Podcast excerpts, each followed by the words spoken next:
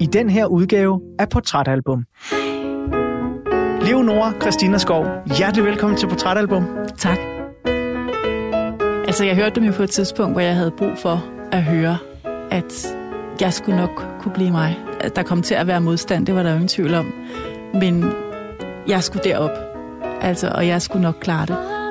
Og der, der føles det som sådan en øh, besværgelse på en eller anden måde af det.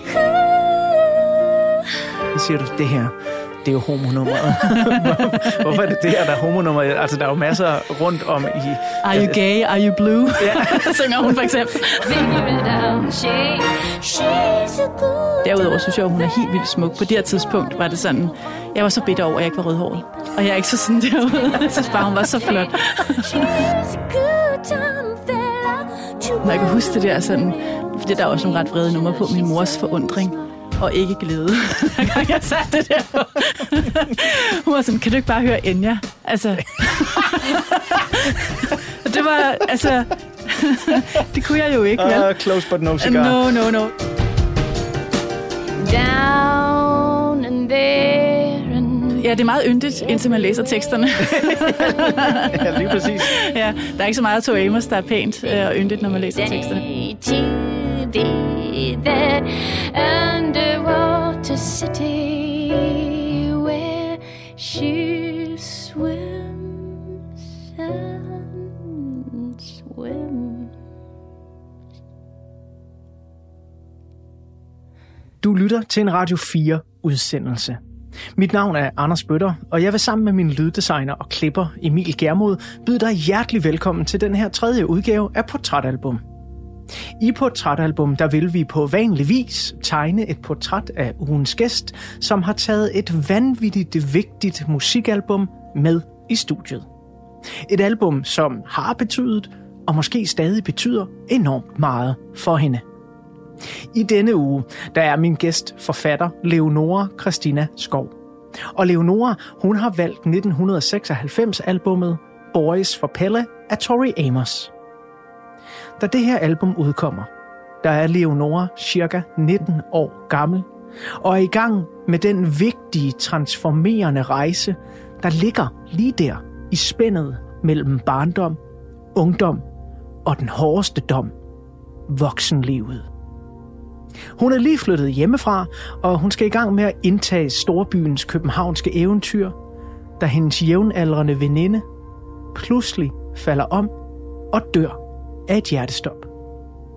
Det og mange andre vigtige begivenheder i 1996 farver tonerne af det Tori Amos værk, som hun her i 2022 har taget med i portrætalbum.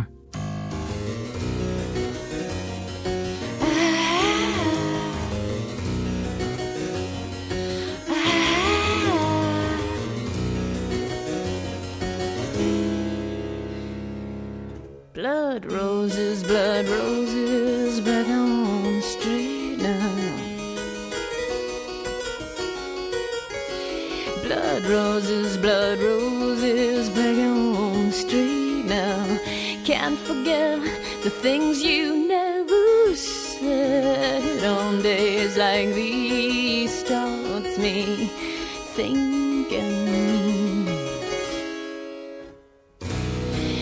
Chickens get a taste, you'll me girl. Chickens get a taste, you'll me, yes.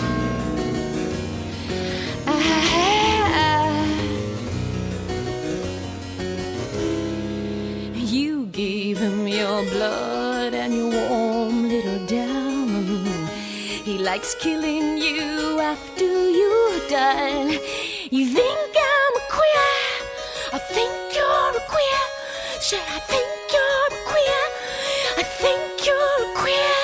Det her, det er lidt af et af højdepunkterne for Boys for Pelle, albummet af Tori Amos Blood Roses. Nummeret her, det øh, kunne være et af dem, som min gæst havde udvalgt i den her uges udgave af Portrætalbum. Jeg har dog tilladt mig at være så fræk, og så tage nogle af mine egne yndlingsnumre med, og det er Blood Roses.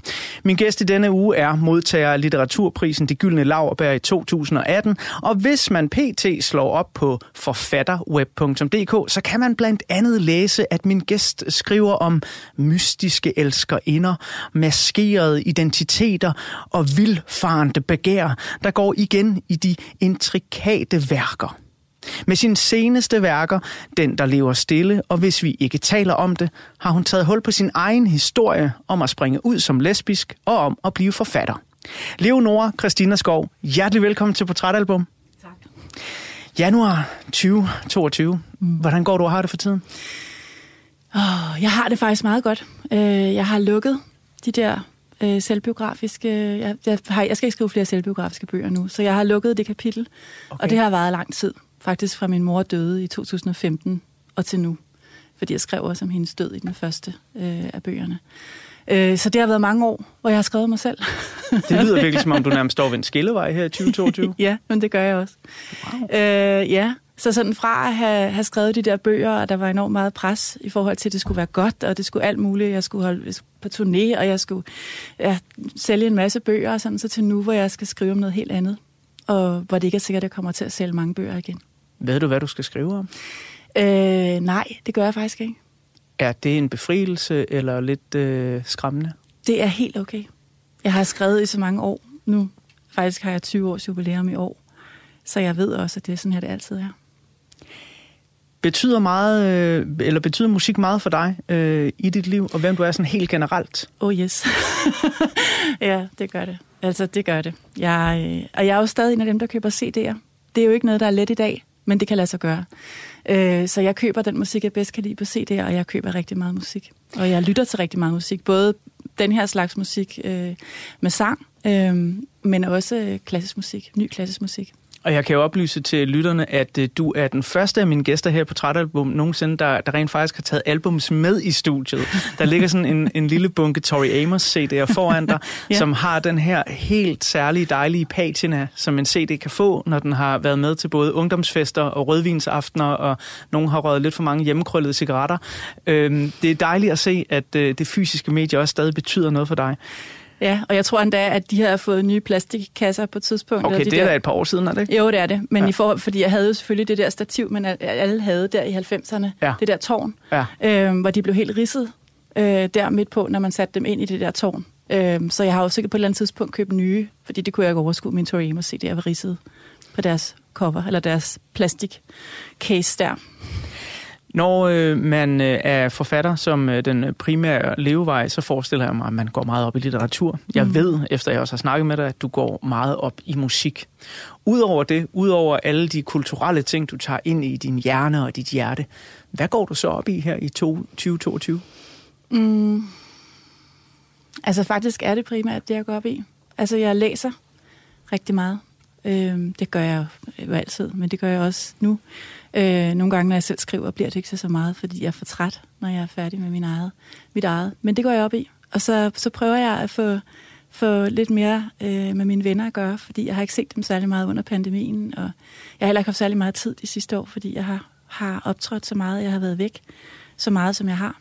Øh, så det går jeg ret meget op i. At prøve at se, hvem var det egentlig, jeg plejede at have det hyggeligt sammen med, og kunne det være, at man skulle genoptage det lidt mere. Mm. Og så selvfølgelig musik. Jeg sidder, sidder og kigger på, på anmeldelser af alt det nye, og ser, om der er noget, jeg skulle få fat i og lytte lidt mere til. Jeg er ikke en stor Spotify-person. og øh, ligesom at øh, du så kan kigge tilbage på øh, en tid før øh, pandemien, og måske tage nogle af de ting op, der var gode for dig, så vil jeg nu øh, spole tiden endnu længere tilbage, og tage dig og lytterne med til året, hvor Tori Amos' Boys for Palle udkommer, 1996.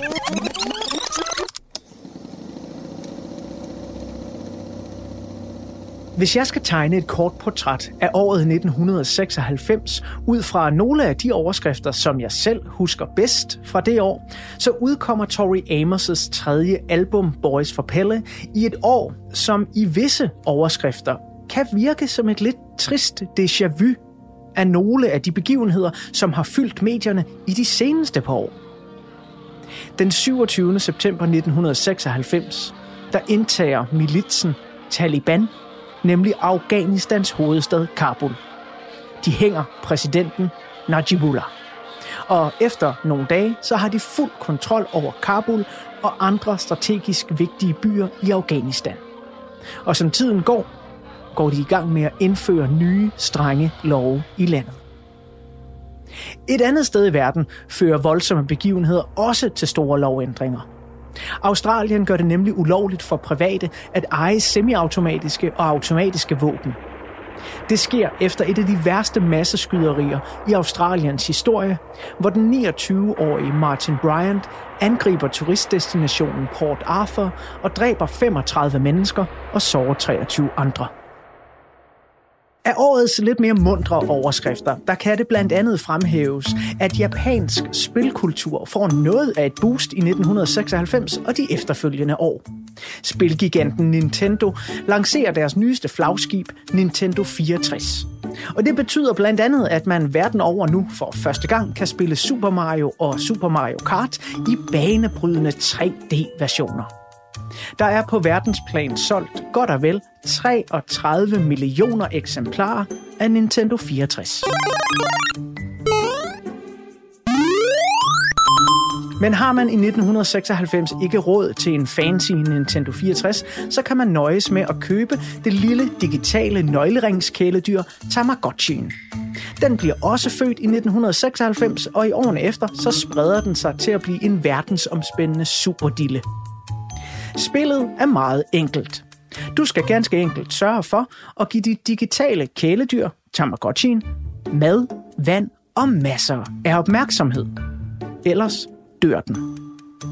Da det japanske firma Bandai udgiver den første Tamagotchi, sælger de omkring 400.000 eksemplarer. I 2021 estimeres det, at der på verdensplan er solgt over 83 millioner Tamagotchier. I Danmark er vi heldigvis forskånet for masseskyderier, men 1996 er alligevel et voldsomt år. Den store skandinaviske rockerkrig har i nogle år raset imellem de rivaliserende grupper Hells Angels og Banditos. I 1996 udsættes Hells Angels klubhus i Titangade i København for intet mindre end et raketangreb. To mennesker mister livet, og 19 bliver såret. Titangade kort efter klokken 3 i nat.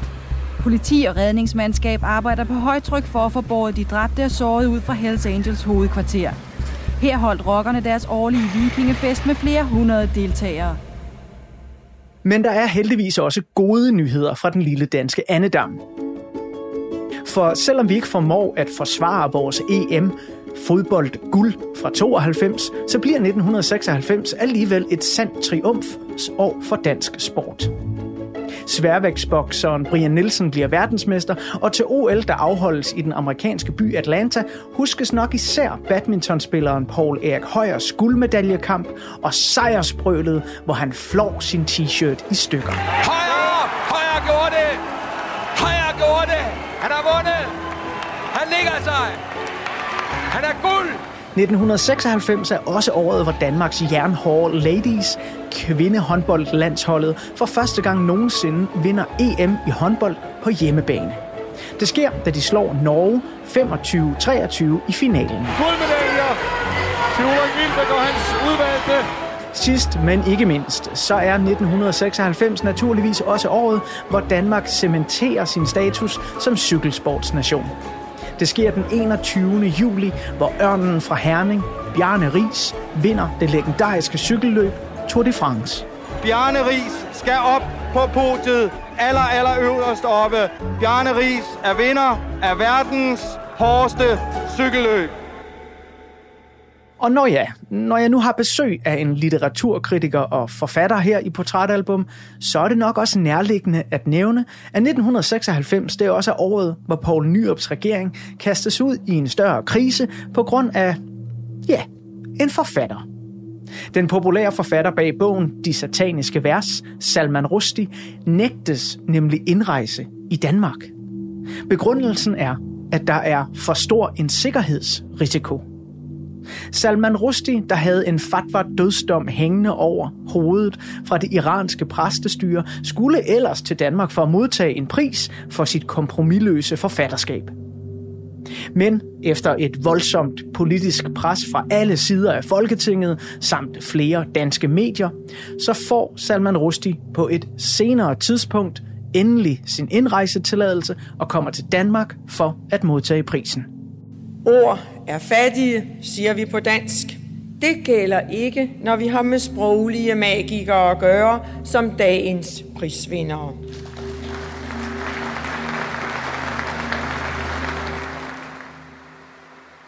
Men om den her eller nogle af de andre begivenheder fra 1996 overhovedet betyder noget for Leonora Christina Skov, der er ugens gæst her i Portrætalbum, ja, det ved jeg faktisk ikke. Endnu.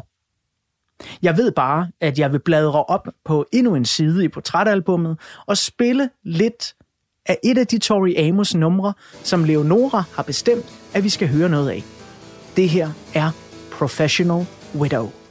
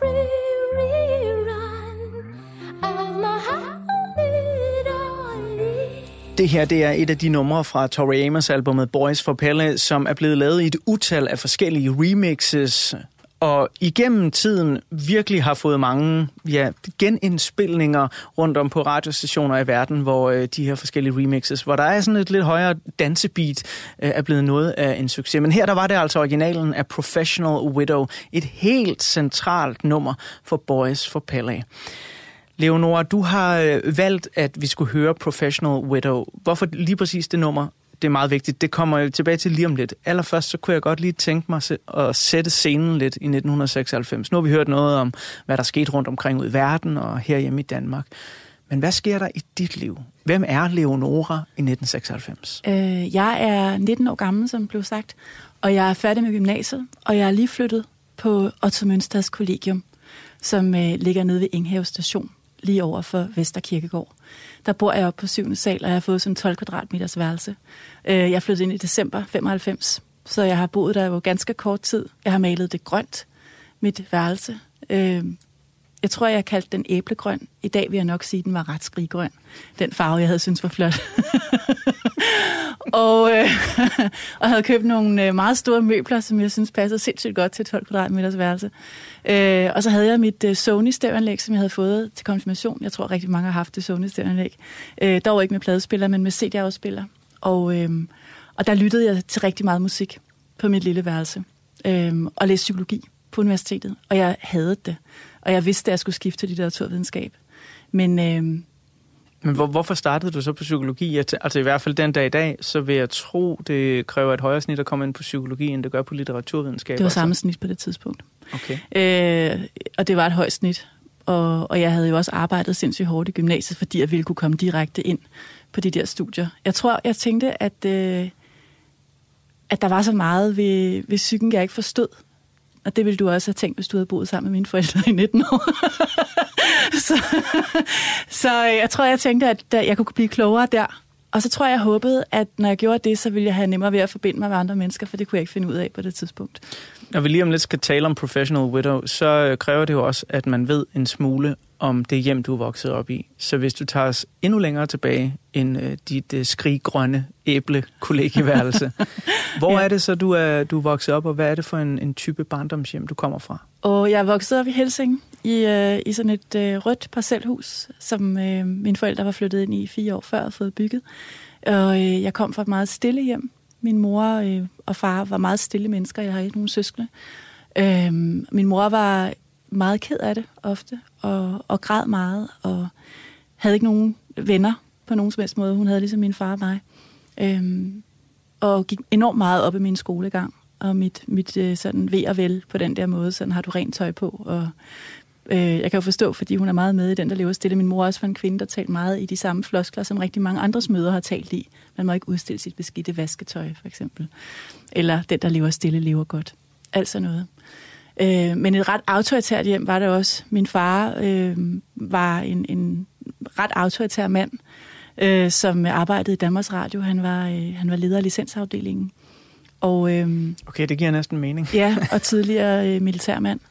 Så, så der var kæft trivet rette, og retning i det hjem der, vil jeg sige. Og, og jeg var en, en meget øh, afrettet pige, som, som lavede mine lektier og klarede mig godt i skolen, og, og havde en veninde, der hed Shirley. Og hende var jeg så veninde med alle årene fra jeg kom på en realskole som 10-årig, og så frem til jeg flyttede hjemmefra. Og så nu tilbage til nummeret, vi lige hørte noget af. Professional Widow. Mm. Be- bestemt efter min mening et et af hovednumrene på, på det her album. Det er et nummer, der står i skærende kontrast til kæft, trit retning Ja. og et stille hjem. Ja, det gør det. Jeg vil sige, at øh, jeg begyndte at høre Tori Amos, jeg boede hjemme. Øh, jeg havde fået fat i nogle CD'er, der hed All Woman, som man kunne købe i Tyskland, hvor vi tog ned over grænsen for at handle.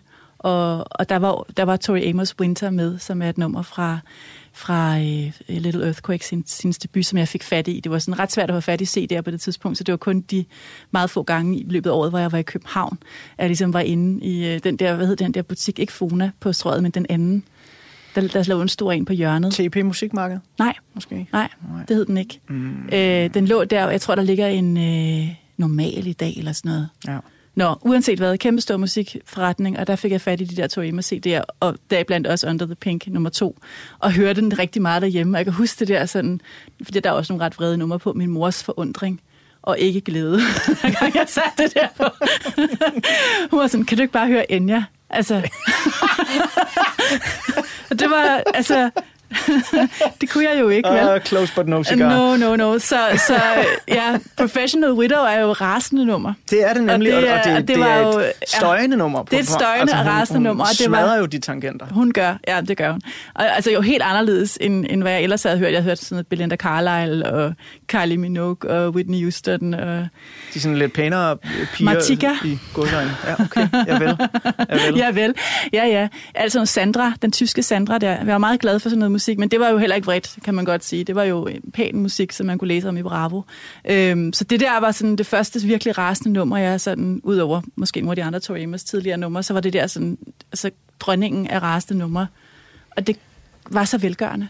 Men når man så skal være den stille derhjemme, og man skal passe på mor, der også er meget stille, bliver et nummer som det her så din måde øh, at udtrykke noget, eller hø- få noget ind, nogle kalorier ind, som du ikke selv kan udtrykke på det tidspunkt? Ja, det gør det, og det bliver en, øh, en inspiration i forhold til, at man rent faktisk godt som kvinde kan gå ud på den der måde og råbe. Man kan godt sætte det form for aftryk i verden. Det havde jeg overhovedet ikke overvejet, at man kunne. Øh, det var heller ikke den slags bøger, jeg læste. Så det der med, at, at der gik en ud på den der måde, sådan fuldstændig fuck you, nu laver jeg det her nummer. Og nu ser jeg sådan her ud, inde i bookletten er der et billede, hvor hun sidder og tøje og ammer en gris, for eksempel. Øhm, altså hun er sådan, det vil hun skide på. Altså at det, for mig var det på det tidspunkt, det jeg havde brug for. Det var nogen, der gjorde sådan, så jeg kunne se, at det kunne man godt. Er du klar over, at øh, en af grundene til, at albumet fik så meget opmærksomhed, var fordi, at det der billede, hvor hun ammer en gris, ikke? Mm-hmm. det blev trykt på sådan nogle kæmpe billboards ude på American Highways rundt omkring i USA, og der var en senator, der var ved at køre galt, da han så det. Så han sagsøgte Atlantic Records og Tori Amos øh, for alt fra blasfemi til blufærdighed, alt muligt og sådan noget. Ikke? Øh, og det gjorde faktisk, at hun fik gigantisk opmærksomhed. Det er jo altså PR, du ikke kan betale for, ikke? Og hvad, hvad, hvordan, blev, hvordan gik det så med sagsøgningen? Den blev frafaldt, no. altså, fordi det, det kunne man ikke, og det var jo, ja, ja som Amerika jo er, når Amerika er mærkeligst og bedst, øh, alles frie ret til at udtrykke sig, og især ja. når det er et stort firma, der har betalt for nogle gode penge for nogle reklamer, ikke? Jo. så kan man ikke bare tage dem ned. Nej, øh. det er også et fedt billede. Det er et super fedt billede, og det er det hele taget et fedt cover. Hun sidder jo også, hvad, hvad skal vi kalde det billede på, på frontsiden? Altså sådan... Øh, hun både, lady spreader. Hun lady spreader, hun er udfordrende sensuel, men hun er eddermame også power. Under hende, der ligger der en slange. Ved siden af hende, der hænger der en hane, som er hængt op ved fødderne, og så holder hun et gevær i hånden. Ja, og så har hun sådan det ene ben sådan ude af sit tøj, og så kan, kan man se, at hun har rendt rundt i noget mudder. Så hun er godt beskidt også. På det tidspunkt, da du hører det her, som sådan cirka 19-årig, er, er du så også sådan en, der, der sidder virkelig og bladrer i coveret og, og tænker, at det her billede, det betyder et eller andet, eller er det mere musikken, der er det vigtige? Og jeg bladrer i coveret, men det er jo for at læse teksterne. Øh, fordi Tori er jo god, fordi hendes tekster er altid sådan helt impressionistiske, man fatter, og man kan ikke altid høre, hvad hun synger. Så, så jeg, jeg sad simpelthen og fulgt med og lærte teksterne udenad. Øh, så det var ikke så meget billederne, det var mere teksterne, men derudover synes jeg, at hun er helt vildt smuk. På det her tidspunkt var det sådan, jeg var så bitter over, at jeg ikke var rødhåret. Og jeg er ikke så sådan derude. Jeg synes bare, hun var så flot. okay, altså fra en, der har været ginger og rødhåret hele sit liv og fået tæsk i skolen for det, ikke? så kan jeg sige, lige den alder der, det, det er ikke sikkert, du skulle ønske dig det. Eller jeg, jeg ved ikke, om det har været anderledes for kvinder og piger, men øh, det, det var ikke godt for en lille dreng øh, fra, fra forstaden af Sydfyn.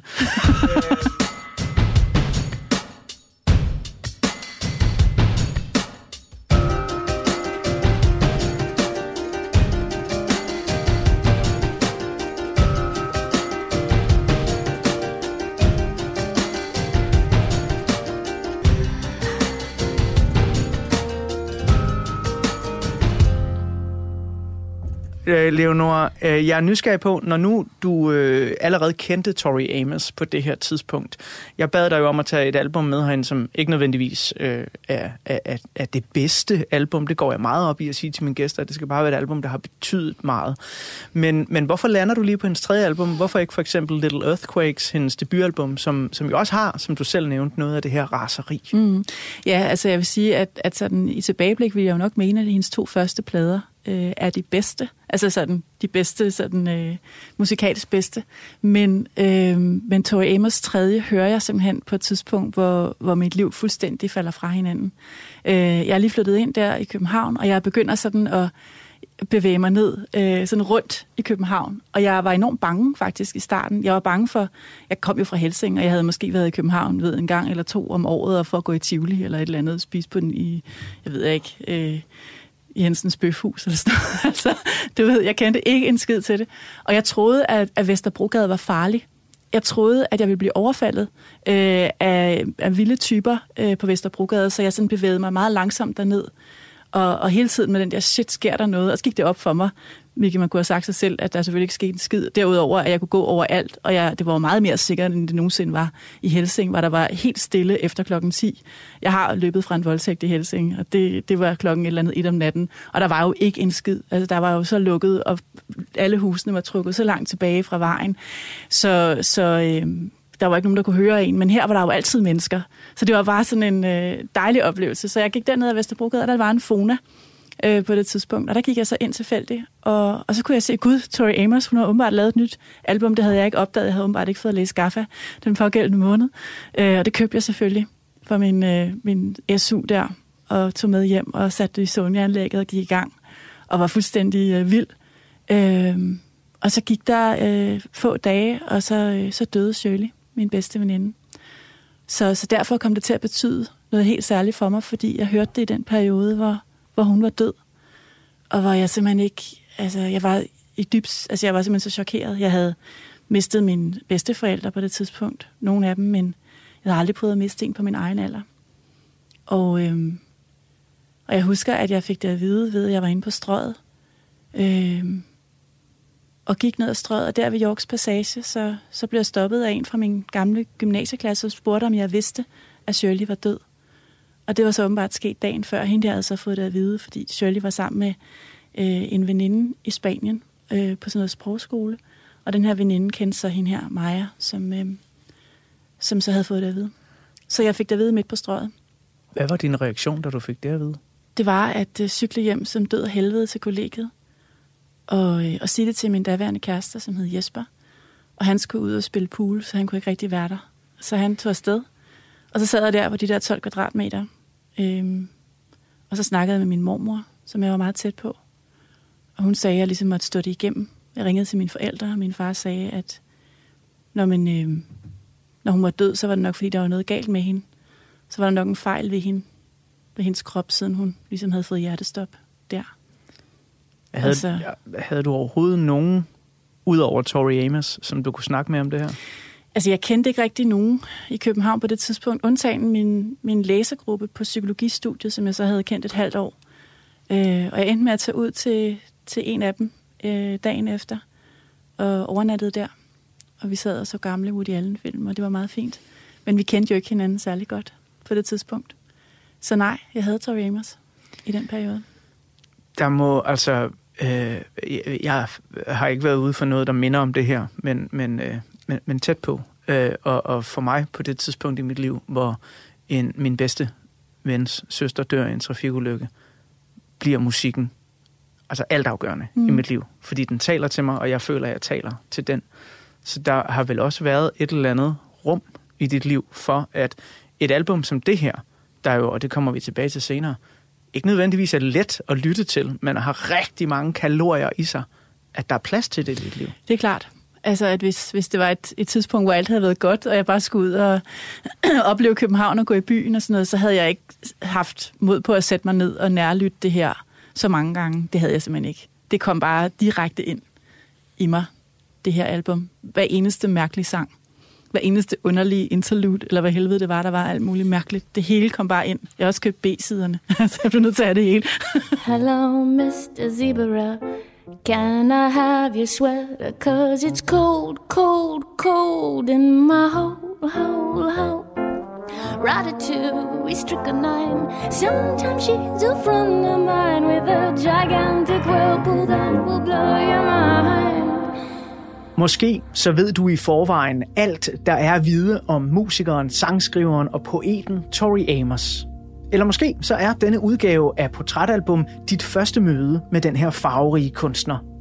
Uanset hvad, så vil jeg nu public service servicere dig med et kort oprids over Tori Amos' karriere.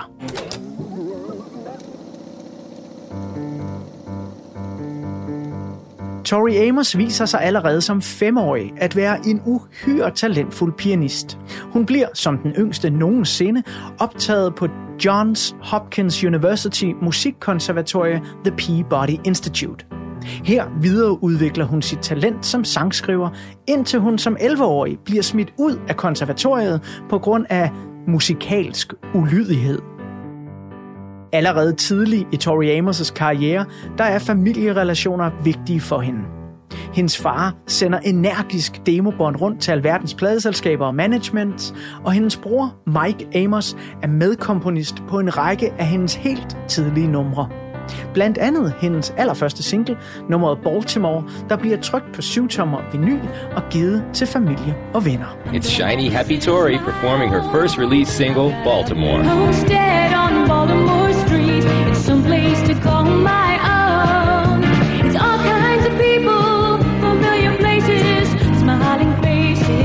proud to say I'm a Baltimorean. I midten af 80'erne hører pladselskabet Atlantic Records et af de demobånd, de har fået tilsendt af Tori Amos' far. Og de kan åbenbart rigtig godt lide, hvad de hører, og de må tro meget på Tori Amos' talent. For Atlantic Records, de skriver nemlig kontrakt med Tori Amos på hele seks albums. Og efter en skuffende debut med synthpop-duoen Why Can't Tori Read, så beslutter Tori Amos sig for at blive endnu mere musikalsk selvstændig og gå helt og aldeles solo. Og det skal vise sig at være en rigtig god idé. Tori Amos' solo debutalbum Little Earthquakes udkommer i 1992 og roses af kritikerne for sin skarpe, vedkommende og brutale portrættering af Tori Amos' religiøse opvækst, opdagelsen af hendes egen seksualitet og kampen for at skabe sin egen identitet. Siden debutalbummet har Tori Amos udgivet intet mindre end 16 fuldlængde studiealbums, 40 singler, 69 B-sider, indspillet 28 musikvideoer og stået bag 12 soundtracks. Hun har igennem sin karriere skabt en række forskellige alter egoer, som har spillet en afgørende rolle for hendes fortolkning af feminismen, magtstrukturer og kvinders rolle i samfundet.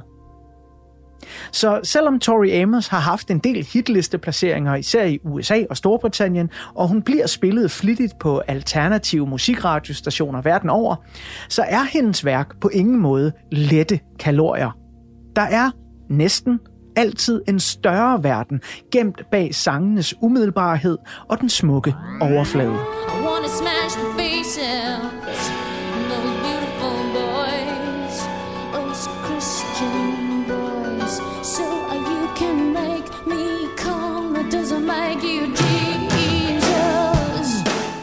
Selvom Tori Amos igennem sin karriere har været både provokerende, skør og skæv, så har hun alligevel solgt bemærkelsesværdigt mange albums. Og da hun i 2005 udsendte sit 8. studiealbum The Beekeeper, så blev hun indlemmet i et helt særligt selskab. The Beekeeper strøg nemlig direkte ind på den amerikanske Billboard hitlistes femteplads, og det gjorde på det tidspunkt Tori Amos til en af de ganske få kvindelige solokunstnere, som har haft fem eller flere albums, der er gået direkte ind på den amerikanske Billboards top 10.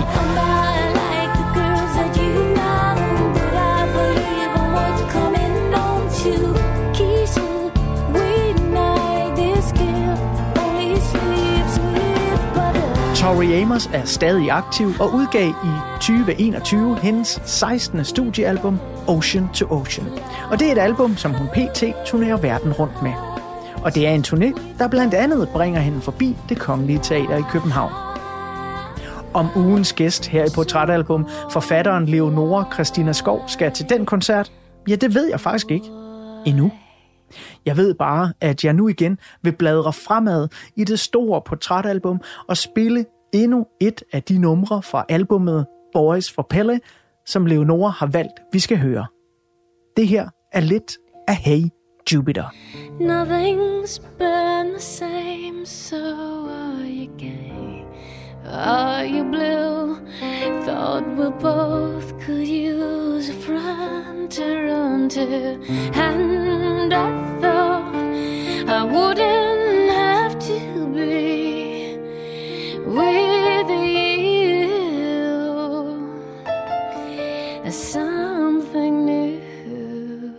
Det du fik lidt af her, det var nummeret Hey Jupiter, et nummer, der også er udvalgt af ugens gæst her i portrætalbum, Leonora Christina Skov. Og øh, lige da vi sad og hørte øh, Leonora, og du sidder og synger lidt med, øh, siger du, det her, det er jo homonummeret. Hvor- Hvorfor er det det her, der er homonummeret? Altså, der er jo masser rundt om i... Are you gay? Are you blue? Ja. Synger hun for eksempel. Jo, jo, men i Blood Song, der er jo også den der sådan, I'm a queer, you're a queer. Uh, ja, okay, men det er homonummeret, det er det stadigvæk her i 2022. Ja, men altså nok ikke engang så meget på grund af det. Men jeg, altså, jeg forbinder det sindssygt meget med at have lånt min forældres bil om sommeren øh, mellem, øh, jeg læste psykologi, og så jeg skiftede til litteraturvidenskab. Det har så været i, i 97. Nej, det har det ikke. Det har været i 96, der sommeren. Jeg havde lige været syg. Jeg havde haft øh, kyssesyge. Øh, jeg havde været meget syg af det. Og, sådan, og så havde jeg den her bil og kørt over til min farmor på Vestjylland, som jeg ikke havde nogen sådan meget nær relation til. Og der hørte jeg Tori Amos albummet undervejs. Øh, og på vej tilbage kan jeg bare huske, at jeg sad med det der nummer og tænkte, det her er så fucked up. Min farmor havde snakket virkelig dårligt om humor. Øh, virkelig fordømmende havde hun været, og øh, jeg vidste, at jeg var homo. Øh, og øh, jeg, havde ikke, jeg var ikke sprunget ud på det tidspunkt, og jeg tænkte bare, det her, jeg kommer ikke til at køre den her vej ret mange gange. altså, Men når farmor er fordømmende, der, der skal vi lige forstå sådan præcis, hvordan det er, fordi der er nok især på det her tidspunkt øh, jo en ældre generation, som, som generelt har en mere konservativ holdning til det at være homoseksuel. Mm. Og altså var det i store godsøjne bare det, eller havde hun sådan virkelig store problemer med homoseksualitet. Hun havde virkelig store problemer. Altså så store, så da jeg endelig sprang ud, øh, sagde min farmor, at at være homoseksuel var det samme som at være pædofil. Fordi begge dele skadede andre. Jeg skadede mine forældre. Og hun støttede dem hele vejen i helvede. Alle årene, indtil hun døde i 2011. Men hvad sagde dine forældre? Fordi en ting er jo din farmors holdning, som du måske ikke har den store kontakt til, som du selv lige sagde. Dybest set sagde det det samme. Øhm, dybest set. Altså mine forældre synes, jeg skulle leve alene. Øh, de, ville, øh, de ville aldrig møde min kæreste. Jeg havde mødt en, en kvinde i november 1996. Ingrid. Øh, hun kom også til at lytte til Tori Amos, Boys for Pelle. Fordi det blev bare skubbet Hun var sådan lidt, what the fuck er det her for noget musik? Ingrid hørte sådan noget Barbara Streisand og sådan noget. det var sådan, nå, vi var lidt langt fra hinanden og Celine Dion. Nå. Men, øh, men ja, altså jeg, jeg havde mødt Ingrid der, så sprang jeg så ud i 97. Men mine forældre var... Ja, min, mine forældre synes, jeg skulle leve alene. De ville aldrig høre om Ingrid, og øh, min far sagde på vej ud øh, til mig, at, øh, at når jeg lå i Randestenen, skulle jeg nok komme hjem. Og øh, der vidste jeg jo så, at jeg ikke rigtig havde nogen steder at gå hen, hvis det virkelig gik dårligt. Og alt det her med helvede, og de aldrig vil møde din kæreste, og du ender i Randestenen, det er kun på grund af dine seksuelle præferencer. Ja, det er det. Har du nogensinde kunne tilgive det? Nej, det har jeg ikke. Har du kontakt med dem? Min mor er død, øhm, og hun, hun døde så i 15, 2015, og hun accepterede det aldrig. Øhm, så min far og jeg har no, noget kontakt. Det har vi. Men øh, vi snakker ikke om den gang. Og han har også øh, ændret holdning. Øh, Annette er velkommen i dag. Det var hun ikke, mens min mor levede. Men det er jo alligevel for din far, øhm, hvis man skal fremhæve bare en lille solstråle i historien, en positiv vending. Ja, er, er, det det, er er det fordi, du har banket nogle døre ned, eller er det samfundet rundt om ham og hans venner, der er blevet mere accepterende, som, som året er gået? Nej, jeg tror, det handler mere om, at jeg er det eneste barn. Altså så, så helt pragmatisk. Hvis ikke han har kontakt med mig, så har han ikke rigtig nogen kontakt med nogen børn. Jeg tror, hvis der havde været flere børn, så tror jeg ikke, at vi havde haft nogen kontakt. Tori Amos, hun øh, fortsætter jo igennem hele sin karriere med at øh, centrere meget af sin musik rundt om sine oplevelser, om det at være kvinde i samfundet, øh, i religion, øh, som musiker også. Og senere skal vi måske nok komme lidt ind på, hvordan det kan have blødt over i dit eget forfatterskab, øh, for der er i hvert fald nogle lighedspunkter. Mm. Og det er jo noget, som, som jeg synes øh, er enormt, enormt fedt, at, at hun gennem tiden bare holder fast i den her, og, og bliver ved med at sige, at vi, vi har stadig issues her, mm. øh, og hun kæmper en kamp. Ikke? Øh, og det gør hende jo også øh, relevant den dag i dag på mange måder. Det kan godt være, at der er kommet nogle albums, der måske ikke var lige så sprudlende som i, øh, det synes du alligevel. ej, som i 90'erne og starten ja. Men nu øh, fortalte jeg lige før, at øh, Tori Amos, hun kommer forbi det kongelige teater inden længe. Altså vi optager det her i slutningen af januar. Jeg mener, det er begyndelsen af marts. Jamen, det er det også. Spiller det kongelige teater. Mm. Skal du ind og se hende? Ja, det skal jeg. Og det havde jeg egentlig ikke tænkt, jeg skulle, for jeg har set hende før. Og jeg har faktisk ikke øh, været vild med hendes musik de sidste 20 år, men min veninde Maria øh, havde, har, har købt billetter og sms'et mig, hey, skal vi ikke tage dig ind sammen? Nu har jeg købt. Og så tænker jeg, okay, så får hun en chance til. Men jeg har ikke så store forventninger, vil jeg sige, medmindre hun spiller sit gamle materiale. Ja, okay. Jeg blev inviteret af den danske musiker Lydmor, øh, og jeg tænkte, det gav enormt god mening. Ja. Øh, fordi hvis der er nogen, der også kæmper en sag der, så er det der hjemme Ja, ja, ja. Sander. Så jeg tænkte sådan, det, det, det er en god pakke, det der med at skulle ind og se uh, Tori Amos sammen, ikke? Absolut. Og hun er jo også, altså jeg ved ikke, om hun kommer til at spille på to øh, gange klaver samtidig. Det gør hun jo nogle gange. Så sidder hun med, med et på hver side og spiller. Det hun er vild, altså. Hun er vild live også. Fuldstændig. Øhm, nu hører vi jo om nogle meget skældsættende år i dit liv, som jo på mange måder definerer øh, rigtig meget for dig. Både øh, senere hen professionelt, men i den grad her til at begynde med øh, privat. Øhm, jeg har læst Søren Ulrik Thomsens øh, fantastiske essaysamling Stor Kongeskade 23, og den åbner med et citat, som bare er helt enormt rammende for mig, og som jeg har tænkt meget over, og som Søren Ulrik Thomsen nok kan placere endnu bedre, end jeg kan, fordi han lige er lidt ældre, end jeg er. Men han snakker om det her med, om der er et punkt, man vender tilbage til i sit liv, og siger, der hvor passerens spids skal sættes ned. Og filosoferer sig lidt over, jamen, jamen findes der et punkt? Og det kan jo være sindssygt svært. Jeg, jeg har ikke sådan fundet helt mit eget nu. Jeg har nok flere forskellige punkter. Øhm, men hvis du kigger tilbage på al den her tid, er der sådan især en afgørende, skældsættende ting, hvor passer en spids, den skal sættes ned? Ja, det er der. Øh, det er helt sikkert Shirley stød. Øh, for det blev, det blev sådan... Øh, det var så stort et chok for mig, at der var rigtig meget af den måde, jeg havde levet på tidligere, som, for, som forsvandt for mig. Altså, jeg kunne ikke blive ved med at læse psykologi. Jeg, ville, jeg kunne ikke blive ved med ikke at skrive.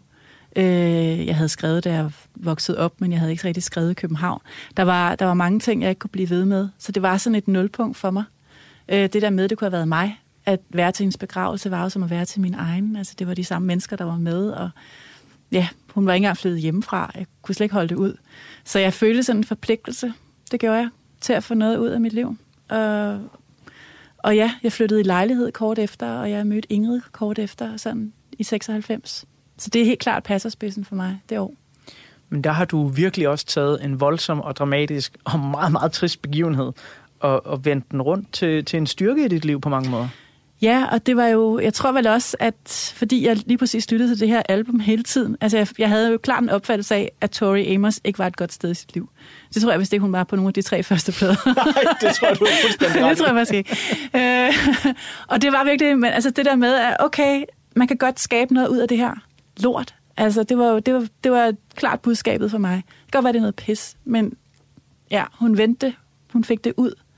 Øh, og det, det tog jeg altså med mig det gjorde jeg. Jeg har været meget fascineret af i øh, researchen op til den her udsendelse, at sådan lidt sammenligne dit forfatterskab og Tori Amos' især tidlige plader, ja. øh, fordi der er meget selvbiografisk, og som vi skal høre om senere, så er Boys for Pelle den første plade, hun selv producerer. Mm. De to foregående har produceret hendes samarbejdspartner og kæreste. Ekskæreste så. Ekskæreste, ja, i den grad. Øh, og jeg er sådan lidt nysgerrig på, når du begynder at skrive, og sådan tænker, det kan godt være, at det her det er noget, jeg, jeg skal gøre noget mere ud af i mit liv, altså, og måske engang kunne tjene nogle penge på det, og sådan. Er, er det også med inspirationen fra, fra sådan noget som, som Tori Amos og den musik, du hører? Ja, altså, og især, især den form for musik. Jeg begyndte at høre rigtig meget af den form for musik efterfølgende. Øh, der var ikke ret mange, der var helt så vilde singer-songwriters som hende, synes jeg på det tidspunkt. Måske Kate Bush og PJ Harvey, men det der med, at de dybest set kunne skabe det hele selv. Ja, ja, så kunne der komme andre instrumenter, og de kunne da gøre deres og sådan noget, men dybest set kunne Tori Amos sætte sig ned med et klaver, og så kunne hun skabe hele lortet selv øh, i en eller anden udstrækning. Og det var det fede. Fordi tidligere havde det mere været de der, som blev akkompagneret, altså hvor de akkompagnerede nærmest med deres stemmer, nogle andres lydlandskab. Ikke? Så var det her sådan, det var fandme hende, der skabte det hele. Så klart, det var der, hvor jeg tænkte, okay, jeg, altså, jeg kan godt gøre det her alene. Øh, det gør man jo, når man skriver sine bøger. Der er jo ikke rigtig andre til det, altså, så, så skal man selv være, være hele klaviaturet altså, og stemmen.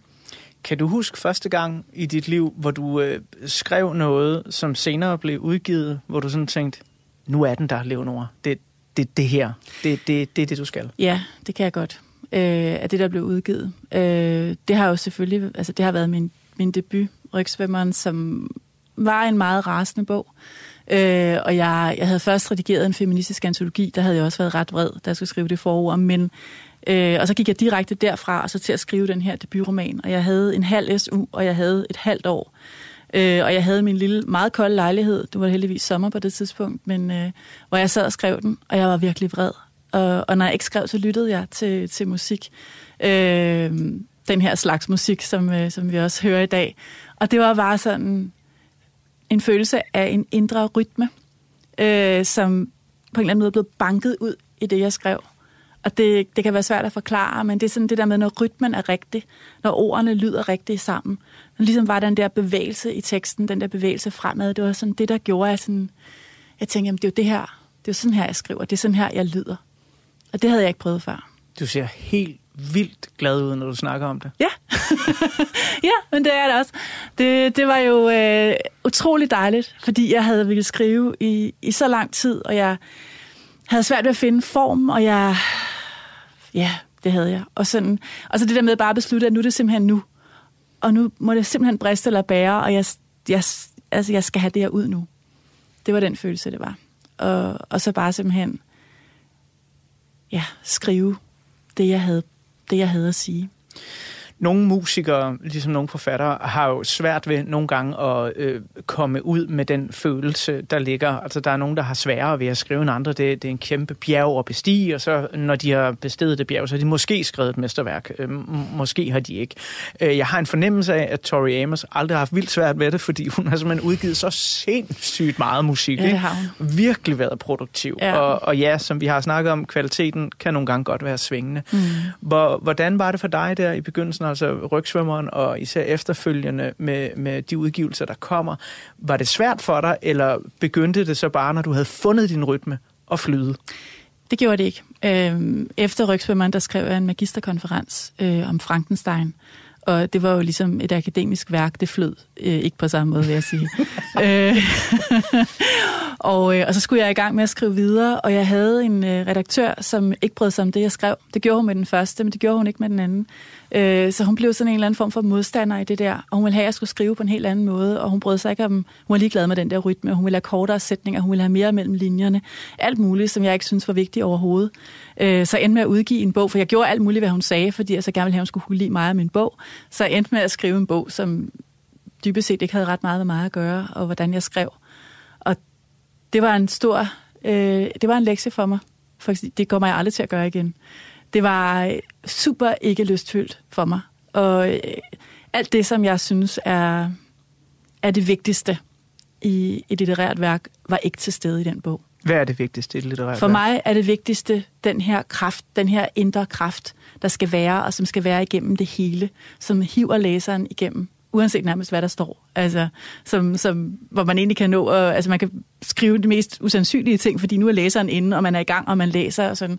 Og så er det selvfølgelig at have en eller anden form for altså sprog, og man har lyst til at læse noget igen, fordi det var sgu da en god sætning og sådan, ikke? Men, men primært er det den der, den der kraft, den der livsenergi, som jeg synes, det skal have. Øh, og som jo også har noget med rytme at gøre, fordi den der rytme gør jo også, at man læser videre og sådan, ikke? Så når det er væk, så var det helt amputeret for mig. Så nej, det har det bestemt ikke. Så fik jeg en anden redaktør, så gik det bedre. Øh, men jeg har aldrig haft, øh, haft let ved at skrive. Det havde jeg heller ikke med rygspæmmeren. Det tog lang tid, før jeg nåede til et punkt, hvor jeg havde det sådan, ja, nu er stemmen der, ja, nu lyder det rigtigt. Og så går det til gengæld stærkt. Når først jeg har, har stemmen, og, og har rytmen, og har den der, den der, er i kontakt med den der, den der kraft, så kører det. Så kan jeg skrive en bog relativt hurtigt. Der er jo også noget helt fantastisk både ved skøn litteratur og albums som Boys for Pelle, som vi snakker om i den her uge af portrætalbum, at det er alle tunge kalorier nogle gange, og det er ikke sådan, altså du får ikke bare altid hver somkvæd, hver somkvæd, hver somkvæd, øh, og derfor så er der også masser at dykke ned i. Så jeg er simpelthen så glad for, at du tog det her album, fordi det er nok, hvordan skal jeg formulere det? Mm, det mit favoritalbum med Tori Amos, som jeg har hørt mindst.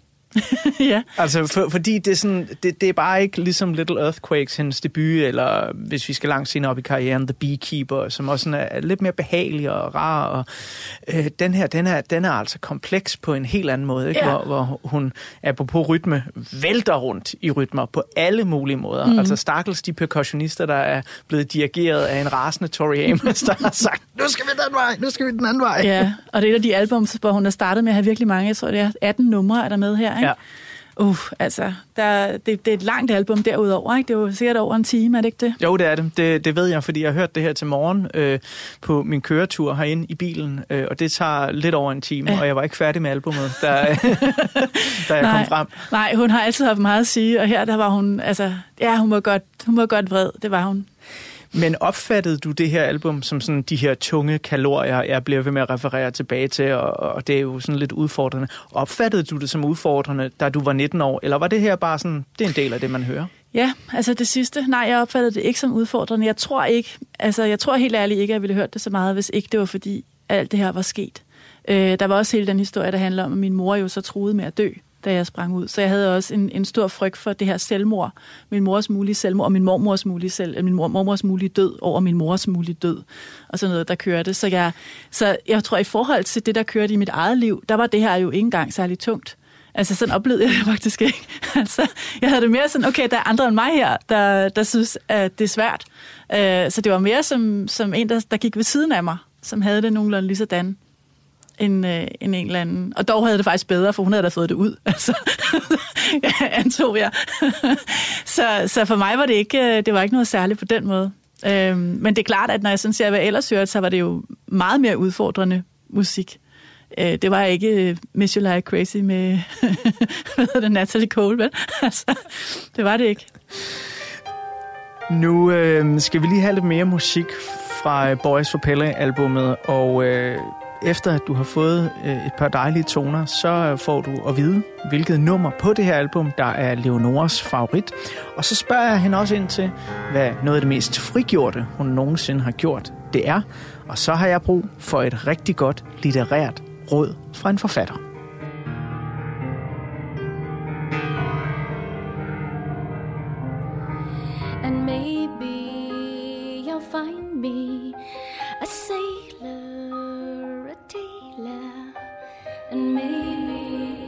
Du lytter til Portrætalbum på Radio 4.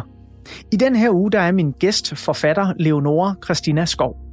Hun har taget 1996-albummet Boys for Pelle af Tori Amos med herind i studiet. Og inden jeg fortsætter med at tegne et portræt af Leonora og Boys for Pelle, og du blandt andet skal høre, hvilket nummer, der er Leonoras favoritnummer på albummet, ja, så vil jeg endnu en gang lige tage dig med tilbage i tiden og give dig et kort overblik over, hvad der blandt andet sker på populærmusikscenen i 1996. I 1996 står både den amerikanske og den britiske musikscene ved en begyndende skillevej. Den populære amerikanske grunge-lyd døde definitivt med Nirvana-forsangeren Kurt Cobains selvmord i 1994. Og den britpop-lyd, som samlede Europa på tværs af landegrænser, har i 1996 nok allerede udgivet sine største værker. Det er lidt som om, at alle går og venter lidt på den næste store ting. Der går dog lige noget tid endnu, inden Radiohead-albummet OK Computer giver det definitive dødsstød til Britpoppen og viser en ny vej. Så i ventetiden, der skriver Oasis sig lige ind i de britiske historiebøger, da de spiller de største koncerter i kongerigets historie. Hen over to aftener ved Nebworth House, der spiller Oasis for i alt 350.000 mennesker. Og der er endda mere end 2,5 millioner mennesker, der ansøger om at købe billet til den her historiske begivenhed.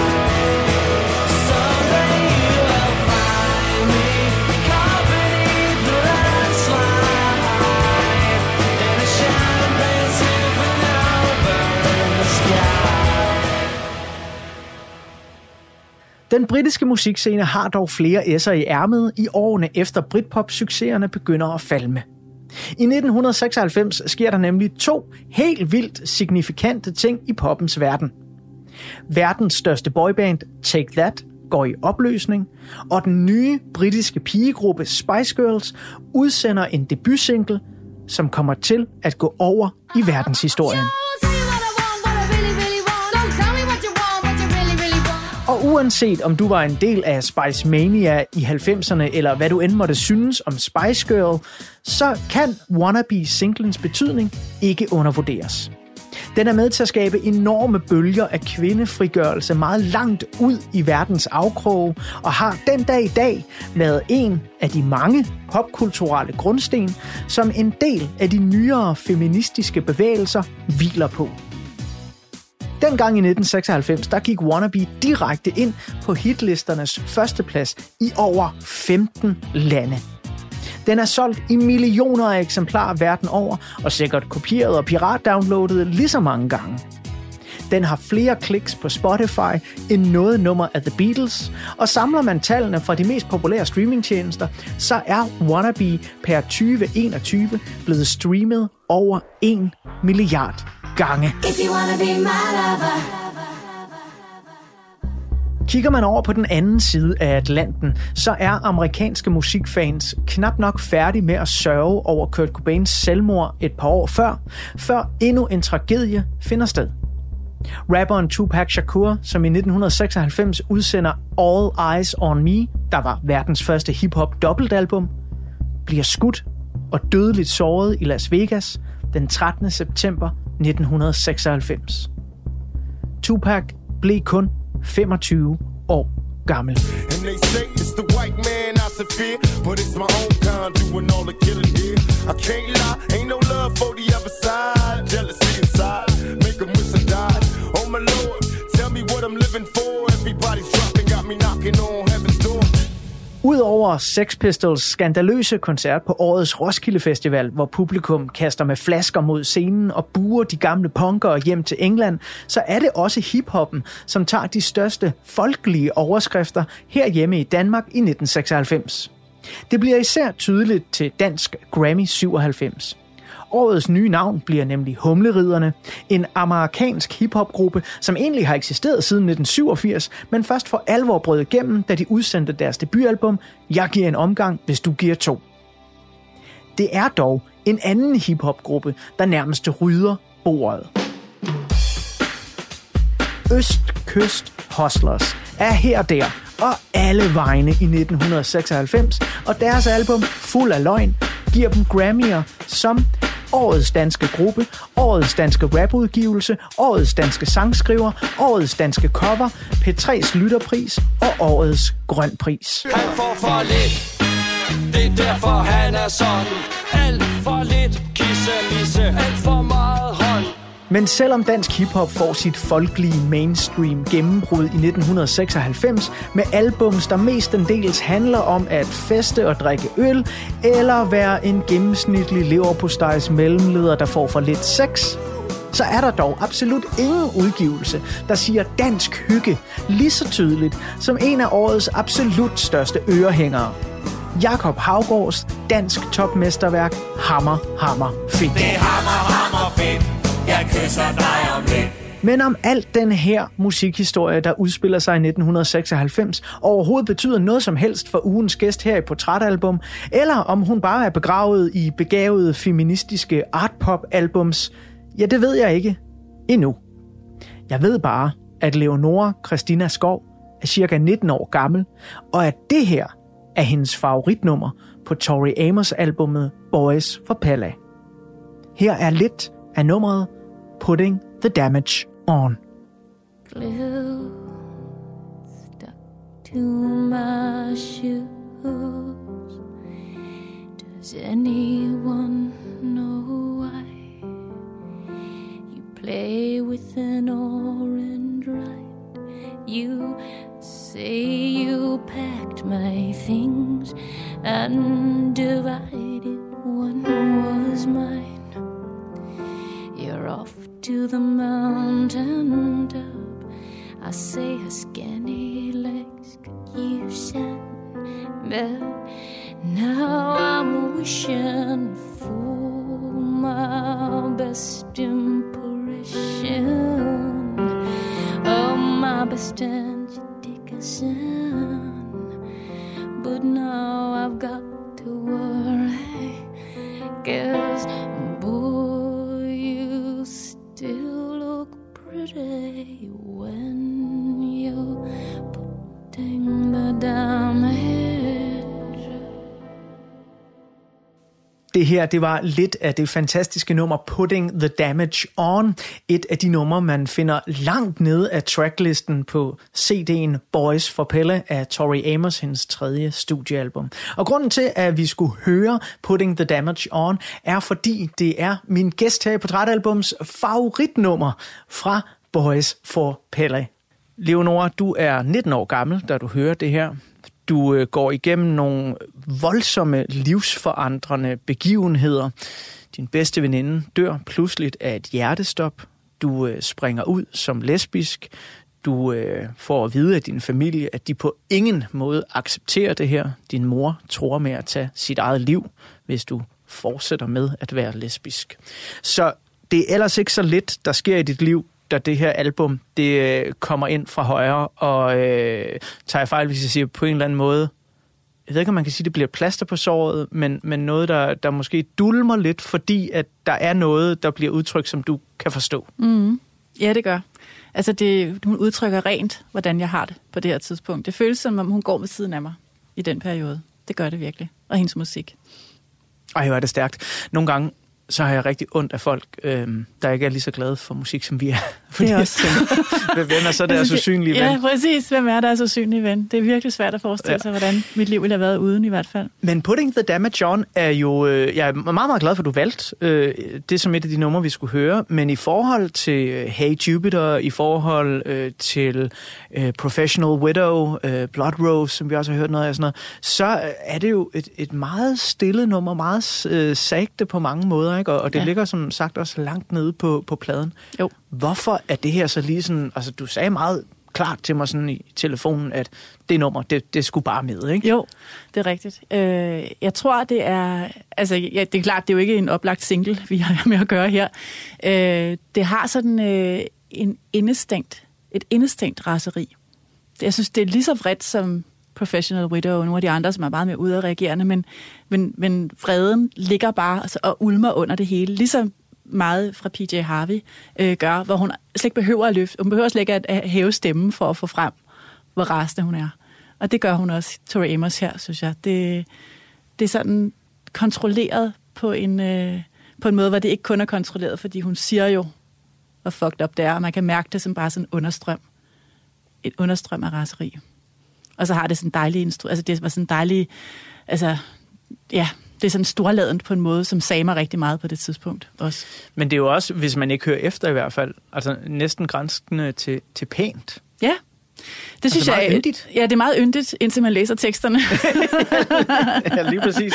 ja, der er ikke så meget Tor Amos, der er pænt øh, og yndigt, når man læser teksterne, i hvert fald ikke på de første plader. Det er jo sådan super øh, sådan impressionistiske tekster, hvor man sådan tænker, "Gud, hvad, altså, hvad er det egentlig, hun synger om her? Eller sådan, hvor det sådan måske bare enkelte, enkelte ja, linjer, der står tilbage, øh, som, som i hvert fald også var det, som, som sad fast i hovedet på mig bagefter. Sådan er det vel også med de gode album 6, så er der sådan pludselig så, så hører man sådan en klip i sit hoved, når man cykler eller går eller laver noget andet. Sådan, det er fald der, jeg stadigvæk tænker, gud, der er noget her ved det her album. Det har sat sig fast på en særlig måde. I de her, øh, lad os bare kalde dem ekstremt formative år, hvor du også tager nogle valg, som viser sig at skulle gå hen og være ret voldsomme øh, for dit liv på mange måder, øh, der, der vil jeg jo sige, det er jo en, altså en, en form, ikke bare for sådan en lille ungdomsoprør eller lille teenageoprør, det, er- det er jo virkelig et oprør mod dit ophav. Det er det. Øhm, og jeg har aldrig prøvet noget lignende, men jeg kan huske, at jeg som barn, fordi mine forældre selv var meget musikglade, søgte bevidst efter musik, som, som de vi synes var for voldsomt. øh, og jeg blev så glad, da jeg fandt Dead Kennedys, det amerikanske punkband, øh, og spillede det for dem, øh, eller ikke spillede for dem, bare skruede op inde på mit teenageværelse, og min far sådan nærmest brassede ind og var sådan, hvad er det for noget? altså jeg kommer fra et hjem med Bob Dylan og Leonard Cohen og Queen og så videre, ikke? Øh, og det synes han virkelig ikke om, og jeg var sådan helt, ah yes, en lille sejr. Nu, nu, Endelig, kan, ja, endelig, nu kan jeg ja. være lidt, lidt rebelsk, ikke? Var musikken for dig også en måde at, at udtrykke dit oprør på? Altså var, var du den der, der sad med dit lille Sony-anlæg inde på værelset og skruede op for noget, som mor og far måske bare ville tænke, det her, det er da helt forfærdeligt. Ja, det gjorde jeg. Øh, mine forældre var overhovedet ikke musikinteresserede. Faktisk var det så galt, så min mor var blevet tvunget til at spille klaver, da, da hun øh, voksede op, og øh, hun havde det, og derfor måtte jeg ikke spille klaver. Så jeg kommer fra et, et hjem uden klaver. Okay, så stryger jeg lige det spørgsmål her af, sådan, fordi nu har jeg fået at vide lidt om dit barndomshjem, og jeg kunne ja. Ja. så heller ikke forestille mig, at det var et hjem med et stort fly, Nej, når der nej. skal være så stille. Nej, det, det var der ikke. Men jeg, jeg fik jo så øh, lov at låne en øh, trompet ude på den lokale ungdomsskole, så begyndte jeg så... trompet? Ja, ja, ja. Så jeg spillede trompet så i det lokale brassband i Helsing. Øhm, det var nok lidt fuck you til dem. Fordi Okay. der var der, altså, hvis der er noget instrument, der lyder røv dårligt, når man øver sig, så er det der trompet, indtil man bliver nogenlunde god, ikke? og det er også højlydt. Selvom man muter den, så er den højlydt. Så det var en dejlig, en dejlig oplevelse, at, øh, at det kan da godt være, at jeg ikke måtte spille klaver, men se, hvad jeg har her. og I kan ikke gøre noget ved det, for jeg har lånt den. Altså tog du så trompeten med hjem også lige frem? Og ja, ja, det gjorde jeg da, for jeg skulle øve mig en time hver dag. Ja, ja, selvfølgelig skulle Selvfølgelig du det. skulle jeg det, så jeg kunne sidde og spille dårlige skalaer hjemme på teenageværelset. Ej, de må da have skummet over af raseri, de jeg tror, jeg tror, mennesker. ja, det, jeg tror ikke, de synes, det var så fedt på en måde. Altså, men det var jo også en sund interesse, hvor jeg så kunne spille sammen med andre ude i brassbandet, hvor vi kunne spille sådan noget marchmusik og sådan noget. Det kunne de bedre forstå. Øh, så, så min mor hørte Elvis, og min far hørte Cecil Schürkebø, øh, og vi taler virkelig måske en gang om året på, på, på LP-plade, ikke? Øh, og det var ligesom det. Der ingen af dem hørt musik. Jeg vil lige minde lytterne om, vi er i 1996, ja. ikke i øh, 1959. 1850, ja, okay.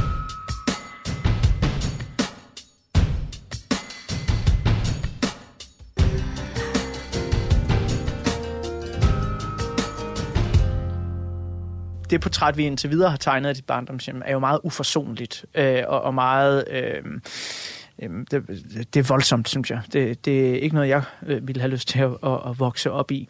Men er der ikke øjeblik også, du kan fremhæve, hvor øh, I var glade sammen? Hvor øh, du gjorde noget i dit liv, der gjorde dine forældre stolte øh, eller tilfredse? Øh, nej. Øh, jo, altså vi, vi tog på rejser sammen. Der var vi som regel glade sammen. Og vi var på vores, øh, vores ordentlige ferie til Sydeuropa.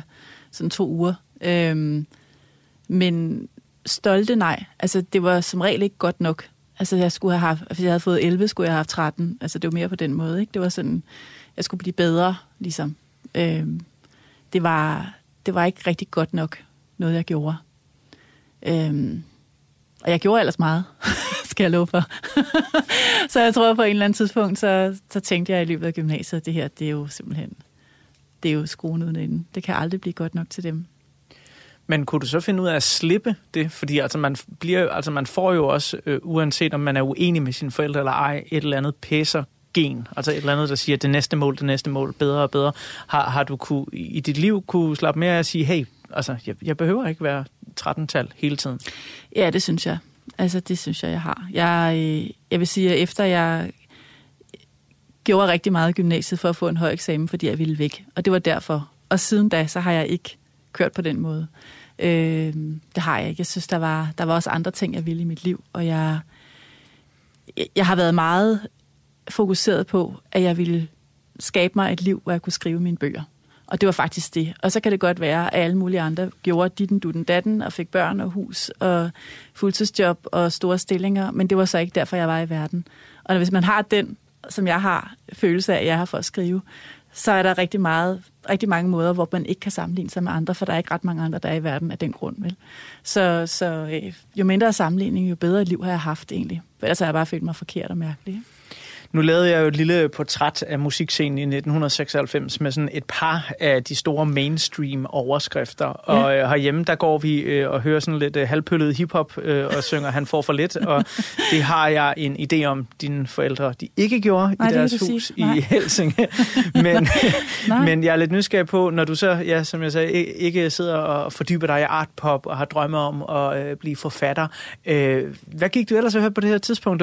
Hørte du noget dansk musik overhovedet? Eller var, var det bare en, en helt anden verden? Jeg hørte Lis Sørensen, øh, fordi hende hørte Ingrid, øh, min, min daværende kæreste. Og øh, det var ikke noget, jeg ellers havde lyttet til overhovedet, men, øh, men det gjorde jeg. Og det var faktisk den eneste danske. Jeg hørte overhovedet ikke noget af det musik, som, som du nævnte tidligere i dit oplæg. Øh, heller, ikke, øh, heller ikke Spice Girls. Jeg tror, jeg var lidt for gammel til Spice Girls på det tidspunkt. Øh, jeg hørte PJ Harvey, øh, To Bring You My Love på det tidspunkt. Og så hørte jeg de gamle Kate Bush-plader fordi en af dem, jeg gik øh, på studie med, eller som var i min læsegruppe der, hun hørte Kate Bush, og hun hørte Nick Cave. Øh, og det havde jeg ikke lyttet til før, så det var bare sådan, okay, åbenbaring for mig, de der. Øh, begge to faktisk. Øh, det lyttede jeg til. Og, øh, og så Massey Star. Ja, som Among jeg jo glemte i mit lille oplæg. Ja, det synes jeg, du gjorde. Ja. Jeg kan godt se, at... Øh, altså, jeg synes jeg jo, at det definerende album, ikke? Ja. Among My Swan. Jeg ved godt, at alle mulige andre synes alt muligt andet, eller deres, øh, deres øh, foregående album var et større hit, men øh, jeg synes, det der er det, er det bedste. Og jeg, godt, jeg kan stadig godt lide det der sådan slowcore, øh, shoegazy musik der.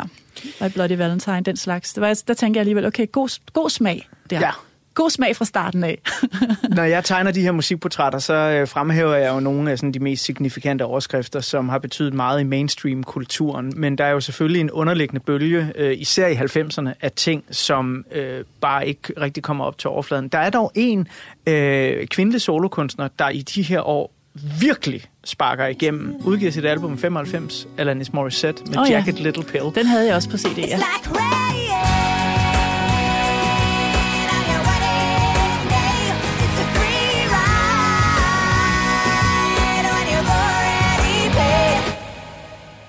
Det bliver jo, så vidt jeg husker, øh, den bedst sælgende debut af en kvindelig kunstner nogensinde mm. på mhm. verdensplan.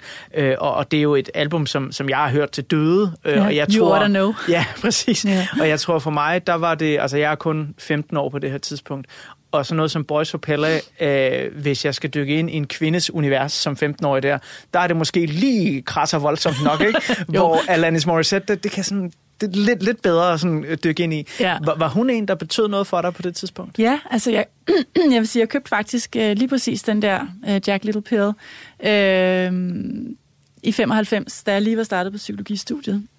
så den, den var også med mig på kollegiet. Øh, og, og jo også noget af det, altså en kvinde, der var rasende. Ja, er du sindssyg? Ja, ja, på, men på den der måde, hvor hun fandme fik det ud, Ja. og var sådan, fuck ja, fuck verden, nu siger jeg det her. Så ja, det var det. Øhm, jeg tror, at jeg holdt hurtigere op med at høre uh, Alanis Morissette. Jeg tror, jeg synes, at når jeg havde hørt det album 50 gange, så havde jeg også fået nok af det.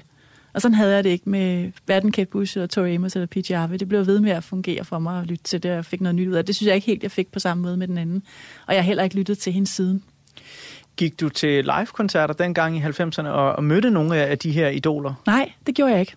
Overhovedet ikke? Nej, jeg har aldrig været, været øh, specielt glad for live-koncerter. Øh, det kan jo undre, kan man sige, i forhold til, hvor, hvor meget musik betyder for mig, men jeg bryder mig ikke særlig meget om at høre musik sammen med andre. Øh, jeg kan godt, musik er noget, jeg har altså en til en med, med mig selv her, med mig selv og så vedkommende, der synger mig ind i, i ørerne. Det har altid været sådan for mig. Jeg er ikke specielt vild med at, med at dele oplevelsen. Øh, ja, det kan lyde mærkeligt. Men det har, det har aldrig... Og sådan noget Roskilde kan du måske heller ikke ligefrem se mig på, vel? Det, ja, nej, det ved jeg ikke. Altså, Nej. jeg, jeg giver dig gerne en rundtur, når det engang vender tilbage fra, fra de døde, kan man sige. Fordi det er jo i modsætning noget, der betyder ekstremt meget for mig. Jeg har Øh, aldrig været der. 1996 er mit første år på Roskilde Festival. Nå. Jeg er 15 år gammel, øh, og bare, jeg har aldrig set så mange koncerter øh, på fire dage i hele mit liv, som jeg gjorde der. Det var, fu- det var fuldstændig magisk. Øh, hvis min passer skal sættes ned et sted, i hvert fald i mit professionelle liv, så er det Roskilde Festival 1996. Uden tvivl. Simpelthen. Hvad, hvad hørte du? Øh, hvad hørte jeg ikke? Jeg hørte øh, Pulp, jeg hørte Underworld, jeg hørte øh, Sex Pistols, jeg hørte Sepultura, jeg hørte Slayer, øh, jeg hørte øh, Love Shop, er jeg ikke 100 på, lige var i 96, men der var simpelt... Jeg hørte Bjørk, øh, jeg hørte Neil Young, jeg hørte Ja, Red Hot Bjørk. Chili Peppers, det der, der gav. Bjørk var også hun, fed. Hun, hun er På det fantastisk. også var Og hun øh, lavede en, en vanvittig koncert, hvor hun mere eller mindre var alene på orange scene med en trækharmonika. Øh, det var ret skørt. Var det før eller efter Post? Det har været Derefter, lige efter. Ja. ja. Det er nok post-turen, øh, jeg så hende på. Så, så det var et meget definerende øh, punkt for mig. Men jeg kan også godt, øh, som jeg er blevet ældre, og jeg måske efterhånden er begyndt at få en lille overdosis af live-koncerter, øh, forstå den her med at have musikken for sig selv. Fordi øh, jeg, jeg tror, min nedtrapning er, at nu foretrækker jeg virkelig øh, intimkoncerter. Altså, øh, jo mindre en klub, jeg kan komme på, desto bedre. Øh, Jeg tror, den eneste måde, hvor jeg egentlig har delt musik gennem årene, har været på mixtape-siden. Altså dels som kassettebånd mixtapes med mine venner, og så som CD'er bagefter. Nu er der jo nærmest ikke nogen, der har CD'er-afspiller mere undtagen mig. Så altså, det er svært at gøre, og det, det savner jeg simpelthen sammen. Jeg savner at kunne lave det der, hvor der kan være 18 numre på. Ja. Og så bare, du ved, ja, pushe noget god musik til nogle mennesker. Shit, altså, der, det er ikke det samme med en Spotify-playlist, det er det simpelthen ikke. nej. Hvad er det, der er forskellen der? At, øh, at når, man, når man giver en CD til en, så ved man, at vedkommende vil sætte sig ned og lytte til den ud i en. Det bliver ikke, altså, der er ikke, det bliver ikke afbrudt af reklamer, eller at vedkommende skal noget andet der, eller sådan. Det bliver sådan, det bliver sådan en gave. Jeg synes også, de mennesker, jeg havde øh, på et tidspunkt en af mine veninder og jeg gjorde det der, vi udvekslede CD'er, øh, mixtape CD'er, og, og det blev bare sådan nogle, jeg, jeg lyttede sindssygt meget til hendes, øh, hun havde god smag også i musik, sådan, så jeg lyttede helt vildt meget, og fik, altså, begyndte at købe noget af det, som, som hun introducerede mig til, som jeg, ja, som jeg ikke kendte, og sådan, og det ved jeg også, hun gjorde med mig, og sådan, så det blev, det, det blev sådan en reference ting, andre med god smag.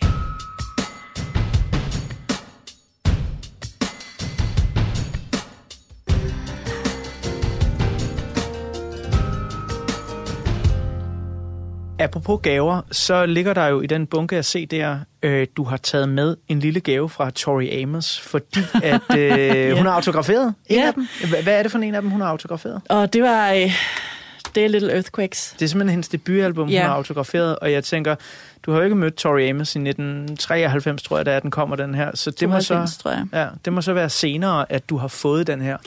Ja, det har, det var det også. Det var, øh, jeg tror, det var i 2006 eller 7. Jeg var blevet ansat som anmelder på Weekendavisen, og, øhm, og så havde, jeg, så havde jeg set, at hun kom til Danmark, Tori Amos, og så havde jeg foreslået, at jeg skulle interviewe hende. Det havde jeg sådan cirka nul forudsætninger for. Jeg er overhovedet ikke journalistuddannet. Jeg er ligesom litterat. Men øh, jeg synes, det måtte være mig. Nu måtte jeg møde hende, øh, og det fik jeg lov til. Så, så derfor så, så mødte jeg hende så der, og jeg har aldrig været så fanagtig på så pinlig en måde før. Jeg var så nervøs. Og Tori Amos var enormt lille og meget, meget tynd og, øh, lidt skrøbelig. Og det passede slet ikke med mit billede af den her sådan power woman med det røde hår, og jeg tænkte, hun var meget større, og sådan, hun var sådan, hun så helt anorektisk ud, og var allerede der, øh, så ud som om hun var plastikopereret, og jeg var meget overrasket over hendes udseende. Hun var meget, meget sød, og vi snakkede om, om farver, Øh, fordi Om farver? Vi, vi, begge to, øh, syn, vi har begge to synestesi, så vi, vi ser øh, musik i farver. Det bliver du lige nødt til at sætte på mere på, for dem, der ikke aner, hvad synestesi er. Men det er, altså der er rigtig mange åbenbart, kan forstå, som er ansigtsblinde, som jeg også er, som ikke kan genkende ansigter, som har synestesi. Så hvis vi går forbi hinanden i morgen, og jeg siger, hej Leonora, så kan du ikke nødvendigvis kende mit ansigt. Ja, præcis. Wow. Ja, øh, men, øh, men det er der rigtig mange, der har, så i stedet for. Så det er sådan en lille superpower, man ikke kan bruge til noget dog, men, øh, men som man kan have, når man sådan lukker øjnene, og så har musikken farver. Ord har farver for mig. Øh, så det er ligesom også et aspekt af at skrive, hvilke bølger af farver, der ligesom kommer igennem en, øh, når man skriver, at jeg skriver. Øh, og det har Tori Amos også, og det tænkte jeg nok, vil jeg sige, fordi det ved jeg ikke, der er et eller andet ved hendes musik, øh, som, som fik mig til at tænke, at det kunne hun nok relatere til. Og det kunne hun ganske rigtigt, så i sin dedikation til mig har hun skrevet Leonora, a sister of color and light. Oh, wow. Ja, Ej, altså. og det var så pinligt. Altså jeg, jeg, altså jeg tænkte åbenbart, at det var mindre fanagtigt at få hende til at signere min CD, end det var at få taget et billede. Så jeg har ikke noget billede. Nej, jeg skulle lige til at sige, hvis man er nysgerrig på, hvordan uh, du uh, så ud i uh, de unge formative år og så videre, så kan man gå ind på uh, Radio 4's sociale medier og se nogle unge billeder af dig. Men er der et billede af dig og Tori Amos? Nej, det, det er, er der, der så ikke. Det er der ikke, nej. Nej, fordi det var for fanagtigt for mig, men det her var så åbenbart ikke. Altså, det var jo altså kan man jo så være lidt bitter over i dag, ikke?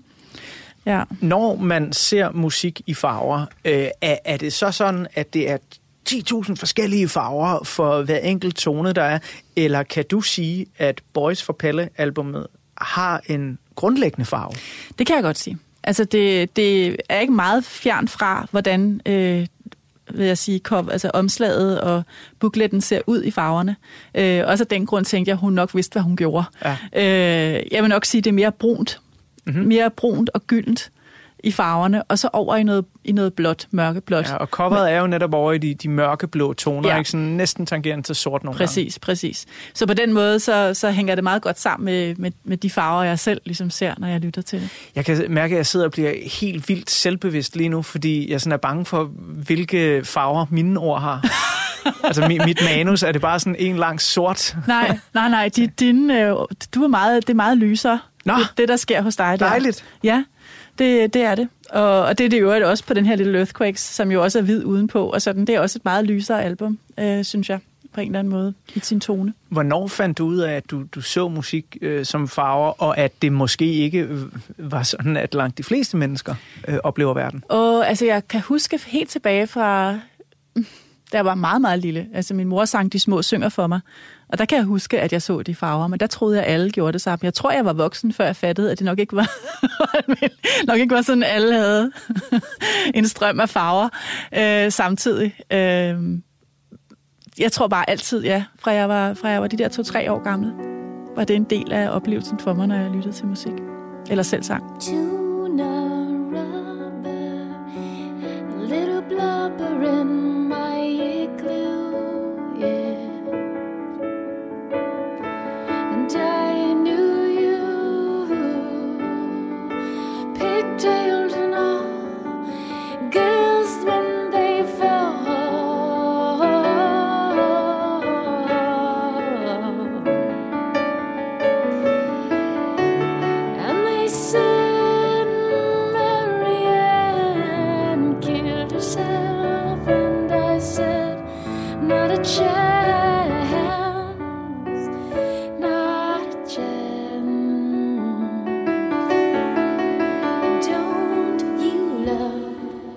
Måske så er Boys for Pelle dit favoritalbum med Tori Amos, og derfor så ved du bare alt, hvad der er at vide om det her fantastiske værk.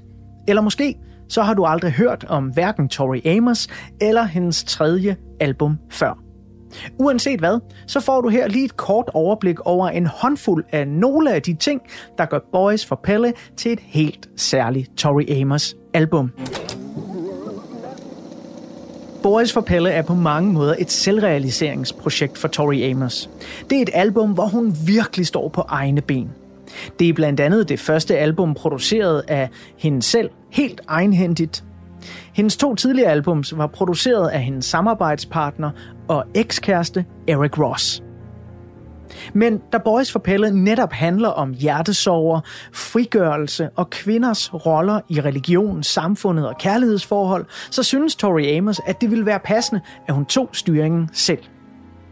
Så udover at producere, spille alle tangentinstrumenter og synge på albummet, så instruerer Tori Amos også lige de mere end 20 andre musikere og teknikere, der blandt andet spiller på sækkepipe, stryger og horn og percussions. Resultatet bliver et album, der har et spraglet, udfordrende og til tider eventyrligt udtryk.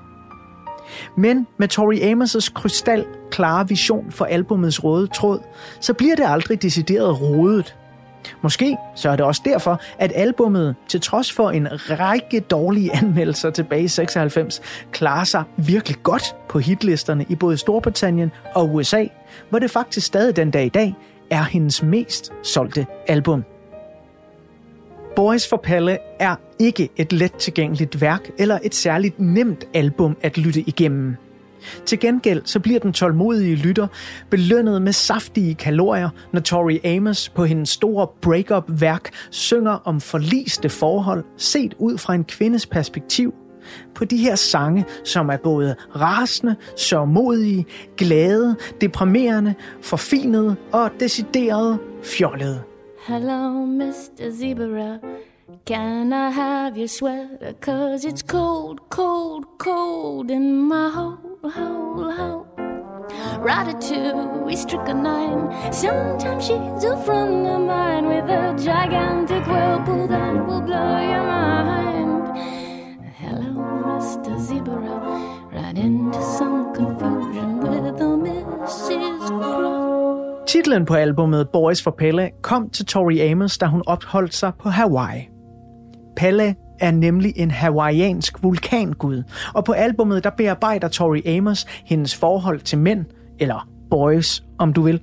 Lige fra hendes religiøse far til kærester, hun har elsket, og til den mand, der voldtog hende som 22-årig, imens han holdt en kniv for hendes hals. Pelle bliver dermed i overført betydning den ild, der raser i hende på godt og på ondt. For Tori Amos, der var Boys for Pelle et vildt eksperiment, som både omfavnede nye sider af hendes musikalitet og hendes privatliv. Muscles marching on. She thinks she's Kaiser Wilhelm, a rushable syllable to blow your mind.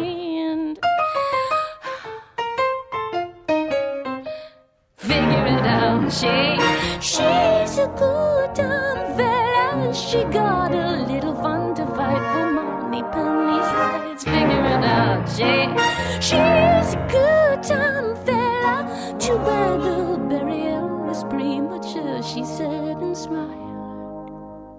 Det er et lille fjollet nummer, det her Mr. Zebra, men hold det op, hvor holder jeg bare af det. Det var 1 minut og 7 sekunder, og vi er godt i gang med at tegne et portræt af albumet Boys for Pelle her i Portrætalbum på Radio 4, og også tegne et portræt af ugens gæst, Leonora Christina Skov. Og vi har lige snakket om, at øh, du har synestesi, sagde jeg det rigtigt? Ja. Du ser farver, når du hører musik. Ja.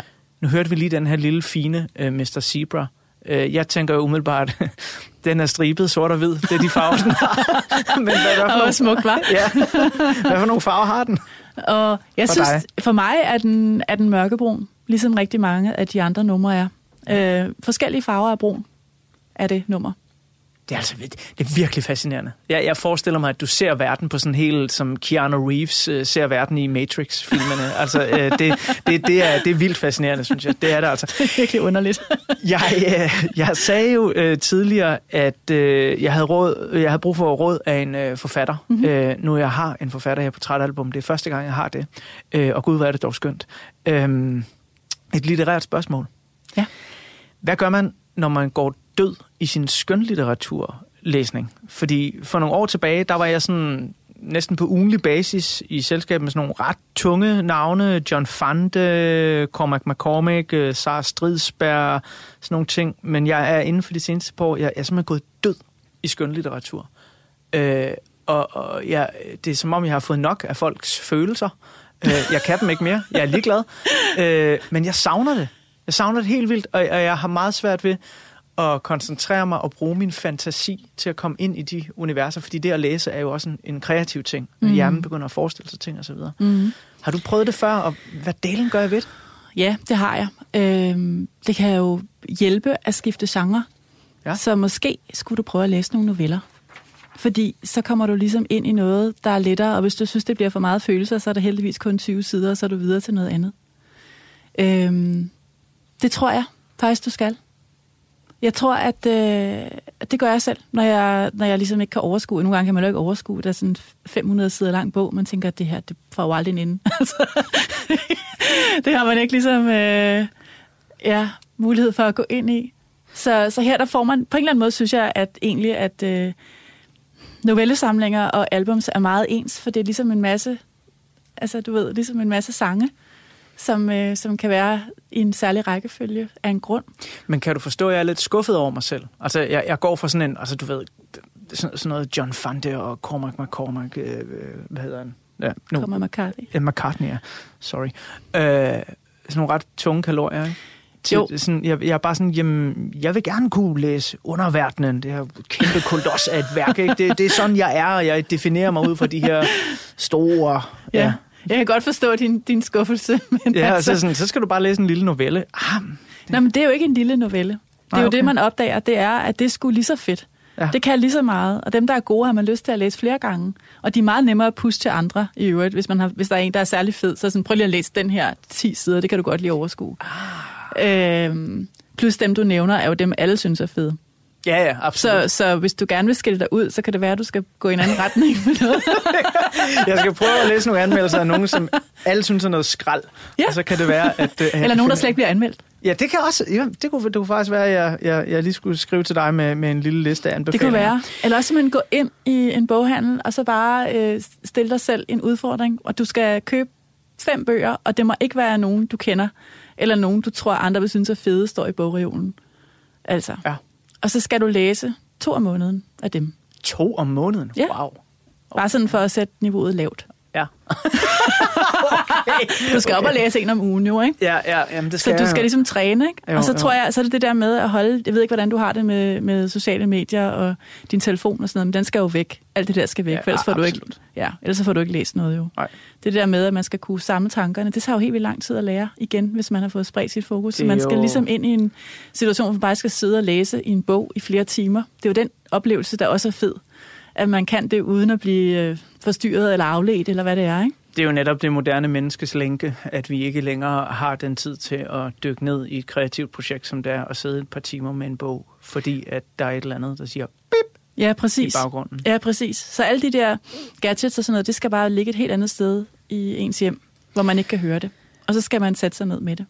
Nu vi er træne. ved det litterære, øh, så kunne jeg godt tænke mig at fremhæve nogle linjer fra Boys for Pelle-albummet, som du sagde var vigtige for dig. Mm. Det er nogle øh, linjer, der kommer i øh, nummeret Father Lucifer, og man skal her høre efter øh, de linjer, hvor Tori hun synger Nothing's gonna stop me from floating. Father Lucifer, you never look so sane. You always did prefer the drizzle to the rain. Tell me that you're still in love with that milkmaid. How the Lizzies, how's your Jesus Christ been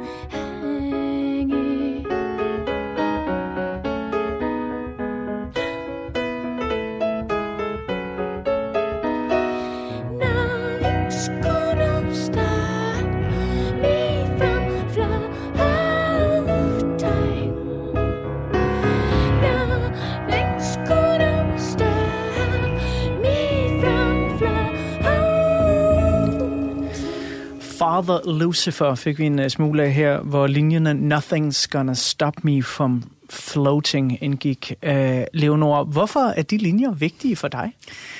Altså, jeg hørte dem jo på et tidspunkt, hvor jeg havde brug for at høre, at jeg skulle nok kunne blive mig. At, det, at, at, der, kom, at der kom til at være modstand, det var der jo ingen tvivl om. Men jeg skulle derop, altså, og jeg skulle nok klare det. Og der, der føles det som sådan en øh, besværgelse på en eller anden måde af det. Og jeg, jeg husker at skrive linjerne, jeg havde sådan en mail og en kalender øh, på det tidspunkt, der stod de på første side, øh, som sådan en evig påmindelse om, at øh, der var fandme ingen, der skulle, der skulle tage fra mig det der. Det er også et sindssygt nummer, Father Lucifer. Øh, det er jo, hun skriver, øh, imens hun er på sådan et øh, psykedelisk ceremoni, en øh, ayahuasca, tror jeg det er, øh, med en sydamerikansk shaman. Jeg håber, jeg udtalte det rigtige tal, der dyrker den slags. Og der ser hun djævlen øh, og øh, skriver så Father Lucifer mm-hmm. efterfølgende. Øh, så det er, øh, jeg, jeg synes, det er en vildt fed linje at trække ud af det her album, af alle de linjer, som du som, som, som både litteraturkritiker og forfatter kunne trække ud af det her album. Så lige dem, det, det bliver jeg altså meget glad ved. ja, det, og det, øh, det var jo også meget profetisk, fordi det, det var der faktisk heller ingen, der kunne med mig. Ja. Og nok heller ikke med hende. Som jeg hører uh, Boys for Pelle, og det vi nu ved om uh, albummet, så er det jo sådan et ret stort frigørelsesprojekt for uh, Tori Amos, hvor hun ligesom redefinerer sig selv og, og søger efter egen identitet og beviser over for hele verden, at jamen, jeg, jeg, jeg kan mm. selv. Altså, øhm, og, og det er også på mange måder sådan lidt biografisk album på visse punkter. Kan du se det her album smitte af på dit eget forfatterskab, altså måske ikke sådan en til en, men ligger der en, en synergi mellem din fortælling og det, som du udleverer af dig selv i dine bøger? Øh, altså, hendes historie er jo, er jo meget anderledes end min, kan man sige. Ikke? Hun havde den der præstefar, og, og på det tidspunkt her, så vidt jeg ved, så prøvede hun at få et barn og blev ved at abortere, og, og sådan noget, så hendes historie er en helt anden end min. Øh, men, men ja, i forhold til det der med at lægge noget ud, og, at have en eller anden tiltro til, at det bliver modtaget, ja, så kan jeg godt se en, øh, så kan jeg godt se en lighed, og også en større lighed egentlig, end jeg, sådan har jeg haft det med, med mange af de her, øh, også PJ Harvey og sådan nogen, som jeg føler mig mere beslægtet med det, øh, egentlig, end jeg gør med, med mine kolleger, forfatterkolleger. Øh, I en dansk sammenhæng er der relativt få, må jeg sige, hvis ingen overhovedet, hvor jeg tænker, at de har prøvet lidt af det samme som mig. Øh, og jeg, vi, vi er lidt det samme. Sådan har jeg det meget mere med Tori, selvom hendes livshistorie er noget andet. Hun øh, har i hvert fald også nogle ting, der kommer ud på det her album, som jo er øh, voldsomme ting, især for en kvinde øh, at opleve netop, at ja, du har helt ret, hun prøver at, at få barn på det her tidspunkt, mm. og, øh, og får så flere spontane aborter, og bearbejder jo, jo meget af det her. Ja, øhm, ja tidligere, så hendes mest kendte tidligere hit var jo det der, eller hit og hit, Mia Gun, der hvor hun ja. taler om at blive voldtaget, ikke? Ja hvor hun efterfølgende laver sådan en hel, øh, hedder den ikke Rain, eller sådan noget, hendes, øh, den der charity for, for voldtægtsoffre øh, og sådan noget. Altså, så hun har ligesom noget, noget kørende i bagagen der. Inden at øh, vi skal have lukket den her uges portrætalbum her på Radio 4, så er der også et andet nummer, vi lige bliver nødt til at komme forbi, som øh, vi nok også har sådan lidt øh, fælles øh, synergi om, du og jeg, øh, selvom vi ikke er lige gamle. Men det første, jeg hører fra det her album, det hører jeg på øh, det radio, i det radioprogram, der hedder Det Elektriske Bagmeter. Ja. Øh, og det øh, er det her nummer, der hedder Caught a Light Sneeze, som vi lige hørte et par sekunder af.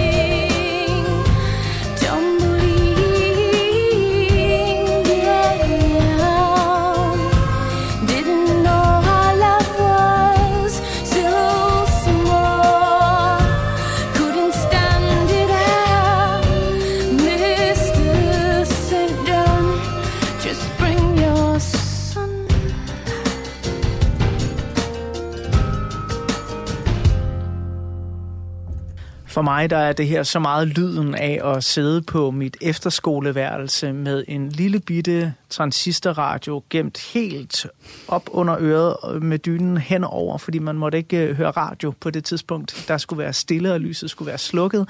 Og så sad jeg der og hørte det elektriske barometer i det her radiofoniske fællesskab sammen med en masse unge mennesker. Det var nok det radioprogram, der har betydet mest for mig, øh, og, og hvem jeg er blevet mm. som menneske, øh, fordi jeg ville gerne være dem, der var værter inde i det program der.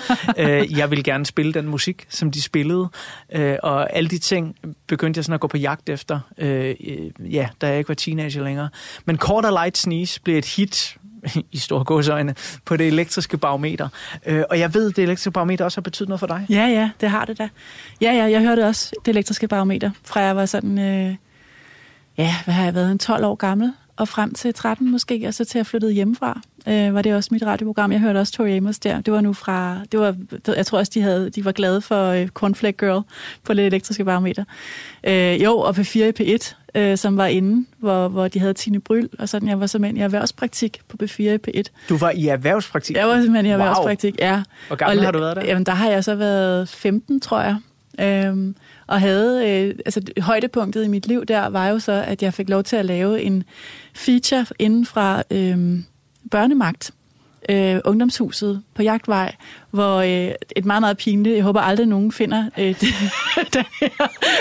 Jeg kigger lige ud i regien her og siger sådan, hvis der er nogen af jer, der kan finde Leonora Christina Skovs rapportage. Heldigvis hed jeg hedder kun Christina Skov dengang. Okay. Øh, så, så hvis man kan søge på Leonora, finder man det heldigvis ikke. Men, øh, men, men det, var, øh, det var meget pinligt, hvor jeg sad og spurgte sammen med en anden erhvervspraktikant, de her sortklædte mennesker, hvorfor ser I alle sammen ens ud? Og sådan noget.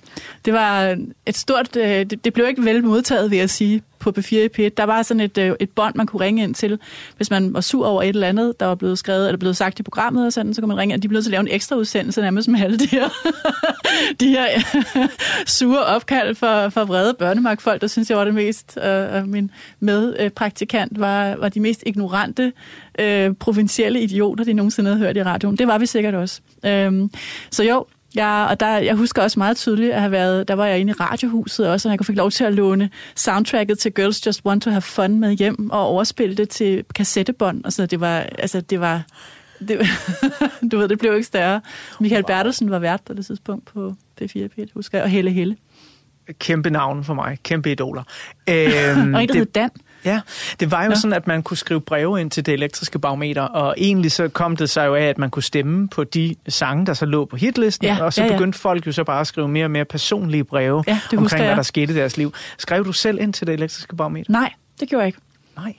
Det kunne jeg godt have gjort, kunne man sige. Men, ja, det, det ville da godt nok have ligget lige til højre. Ja, det gjorde jeg. Ja, ja, jeg, jeg nøjedes med at stemme, selvfølgelig på Tori Amos, ja, så længe klart. det overhovedet var muligt. ja. Jeg kunne øh, godt tænke mig at afrunde den her øh, samtale og det her portræt, vi nu har tegnet af dig og øh, Boys for Pelle, Tori Amos' tredje studiealbum, med et spørgsmål, jeg øh, ofte vender tilbage til her på portrætalbum, fordi jeg elsker små, frigjorte øjeblikke i livet. Øh, det behøver ikke nødvendigvis være de her store livsomvæltende ting, men bare på et eller andet tidspunkt, hvor man slipper tøjlerne og gør noget dumt. Altså, øh, jeg har øh, engang været skibums i Norge, hvor jeg arbejdede to år som øh, opvasker og snowboardinstruktør, og til sidst så var jeg så træt øh, af mit liv deroppe, at jeg den sidste aften drak mig enormt fuld, kravlede op på taget af det her hotel, hvor jeg vidste, der stod et webkamera, som filmede de her løjper, man kunne løbe ned af, altså pisterne, så kunne man jo se, om der var sne. Så tog jeg alt tøjet af, øh, og så pissede jeg øh, foran det der webkamera. Det var så dumt, det var så umodent, men det var så frigørende frigørende, og det var den sidste aften, jeg var der, og så øh, rejste jeg ellers hjem til Danmark og prøvede at få mig en uddannelse derefter. Men det var et dejligt øjeblik. Det var frigørende. ja. Hvad er et frigørende øjeblik fra dit liv, Leonora? Åh, oh, jeg tænker på på et tidspunkt, hvor jeg, jeg har heller ikke været så gammel. Jeg har været, ja, 3-24, og jeg skulle have mig et arbejde. Øh, og så havde jeg fået et arbejde som, øh, som sådan noget researcher på sådan et... Øh, en, det skulle være en dokumentarfilm, der handlede om ladyboys. Jeg vidste intet om Ladyboys eller noget som helst, og jeg endte inde i sådan en øh, topløs serveringssted øh, på Istegade. Og jeg husker at stå der, og det var jo sådan et, hvor der gik folk til og fra kabinerne, og det var alle de der mænd, der sad og gokkede nag derinde. Og på en eller anden måde var det så grotesk. Jeg havde taget øh, min, øh, min transven med, for jeg tænkte, jeg kunne ikke stå her alene. De ville jo tro, at jeg ligesom var ude efter kunder, så vi stod der. Og jeg kan bare huske, at, øh, at hun stod og bundet øl. Og vi var, og så længe skal vi blive her i det her rejsesmund. Og på en eller anden måde var jeg sådan lidt, ja, det er virkelig noget lort. Og jeg ved ikke, hvorfor jeg har taget- sagt ja til det her lortejob. Og jeg finder aldrig en ladyboy, der vil være med i den her dokumentarfilm med mig, som kommer sådan fuldstændig, altså fatter ingenting. Og jeg turde heller ikke spørge nogen, der var der. Altså, så det var på alle måder åndssvagt. Det var mit livs dårligste job. Men det var det. Jeg kan komme med mange flere, hvis der er. Men, altså, men det var sådan et lavpunkt på en eller anden måde på jobfronten. Et lavpunkt, men... Men, men samtidig også sådan, hvornår kommer man ellers på en, en, en topløs bar? Så, det var ligesom det. Der er i hvert fald en frigørelse i at kunne sætte sig selv i en situation i sit liv, hvor man kommer til det. Jamen det synes jeg, det var der. Det var der for mig. Det var sådan, okay, nu er jeg fandme også kommet til København. For real. Altså. Hvor gammel var du der? Jamen, jeg har været 23. Helt åndssvagt. Leonora Christina Skov, tusind mange gange tak, fordi du ville være med på Portrætalbum. Ja, men øh, det var en fornøjelse. Det var det virkelig. Jeg er ærgerlig over, at det slutter, fordi jeg vil snakke mere. Ja, jeg ved det, jeg ved det. Altså, vi, prøv at høre, jeg inviterer dig ind en anden gang, og så tager vi noget masse star eller Ja, noget. Ikke? Og ja. øh, det kan være en gang, når du, nu startede vi jo også med at sige, at du står på en eller anden måde ved en skillevej i dit forfatterskab. Jo. Så det kan jo være, der lander en bog, som er helt anderledes, og vi skal ind og snakke om feministisk science fiction øh, om en 10 års tid. jeg, jeg tror mere, det er noget gotik. Okay, på den måde. noget med noget, noget ondskab og noget, der er nogle, nogle hemmeligheder. Ja. Uh, Ja. Det kan jeg jo godt lide. Ja. Så fik vi løftet sløret en lille bit smule. Lidt.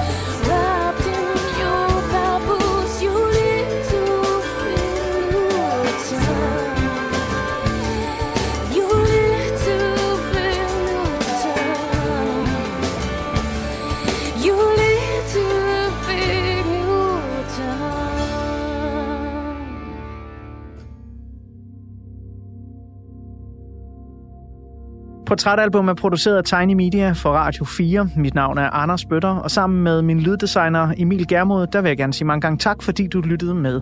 Der er flere portrætter fra programmet her, hver fredag kl. 17-19 på Radio 4, eller der, hvor du finder dine podcasts.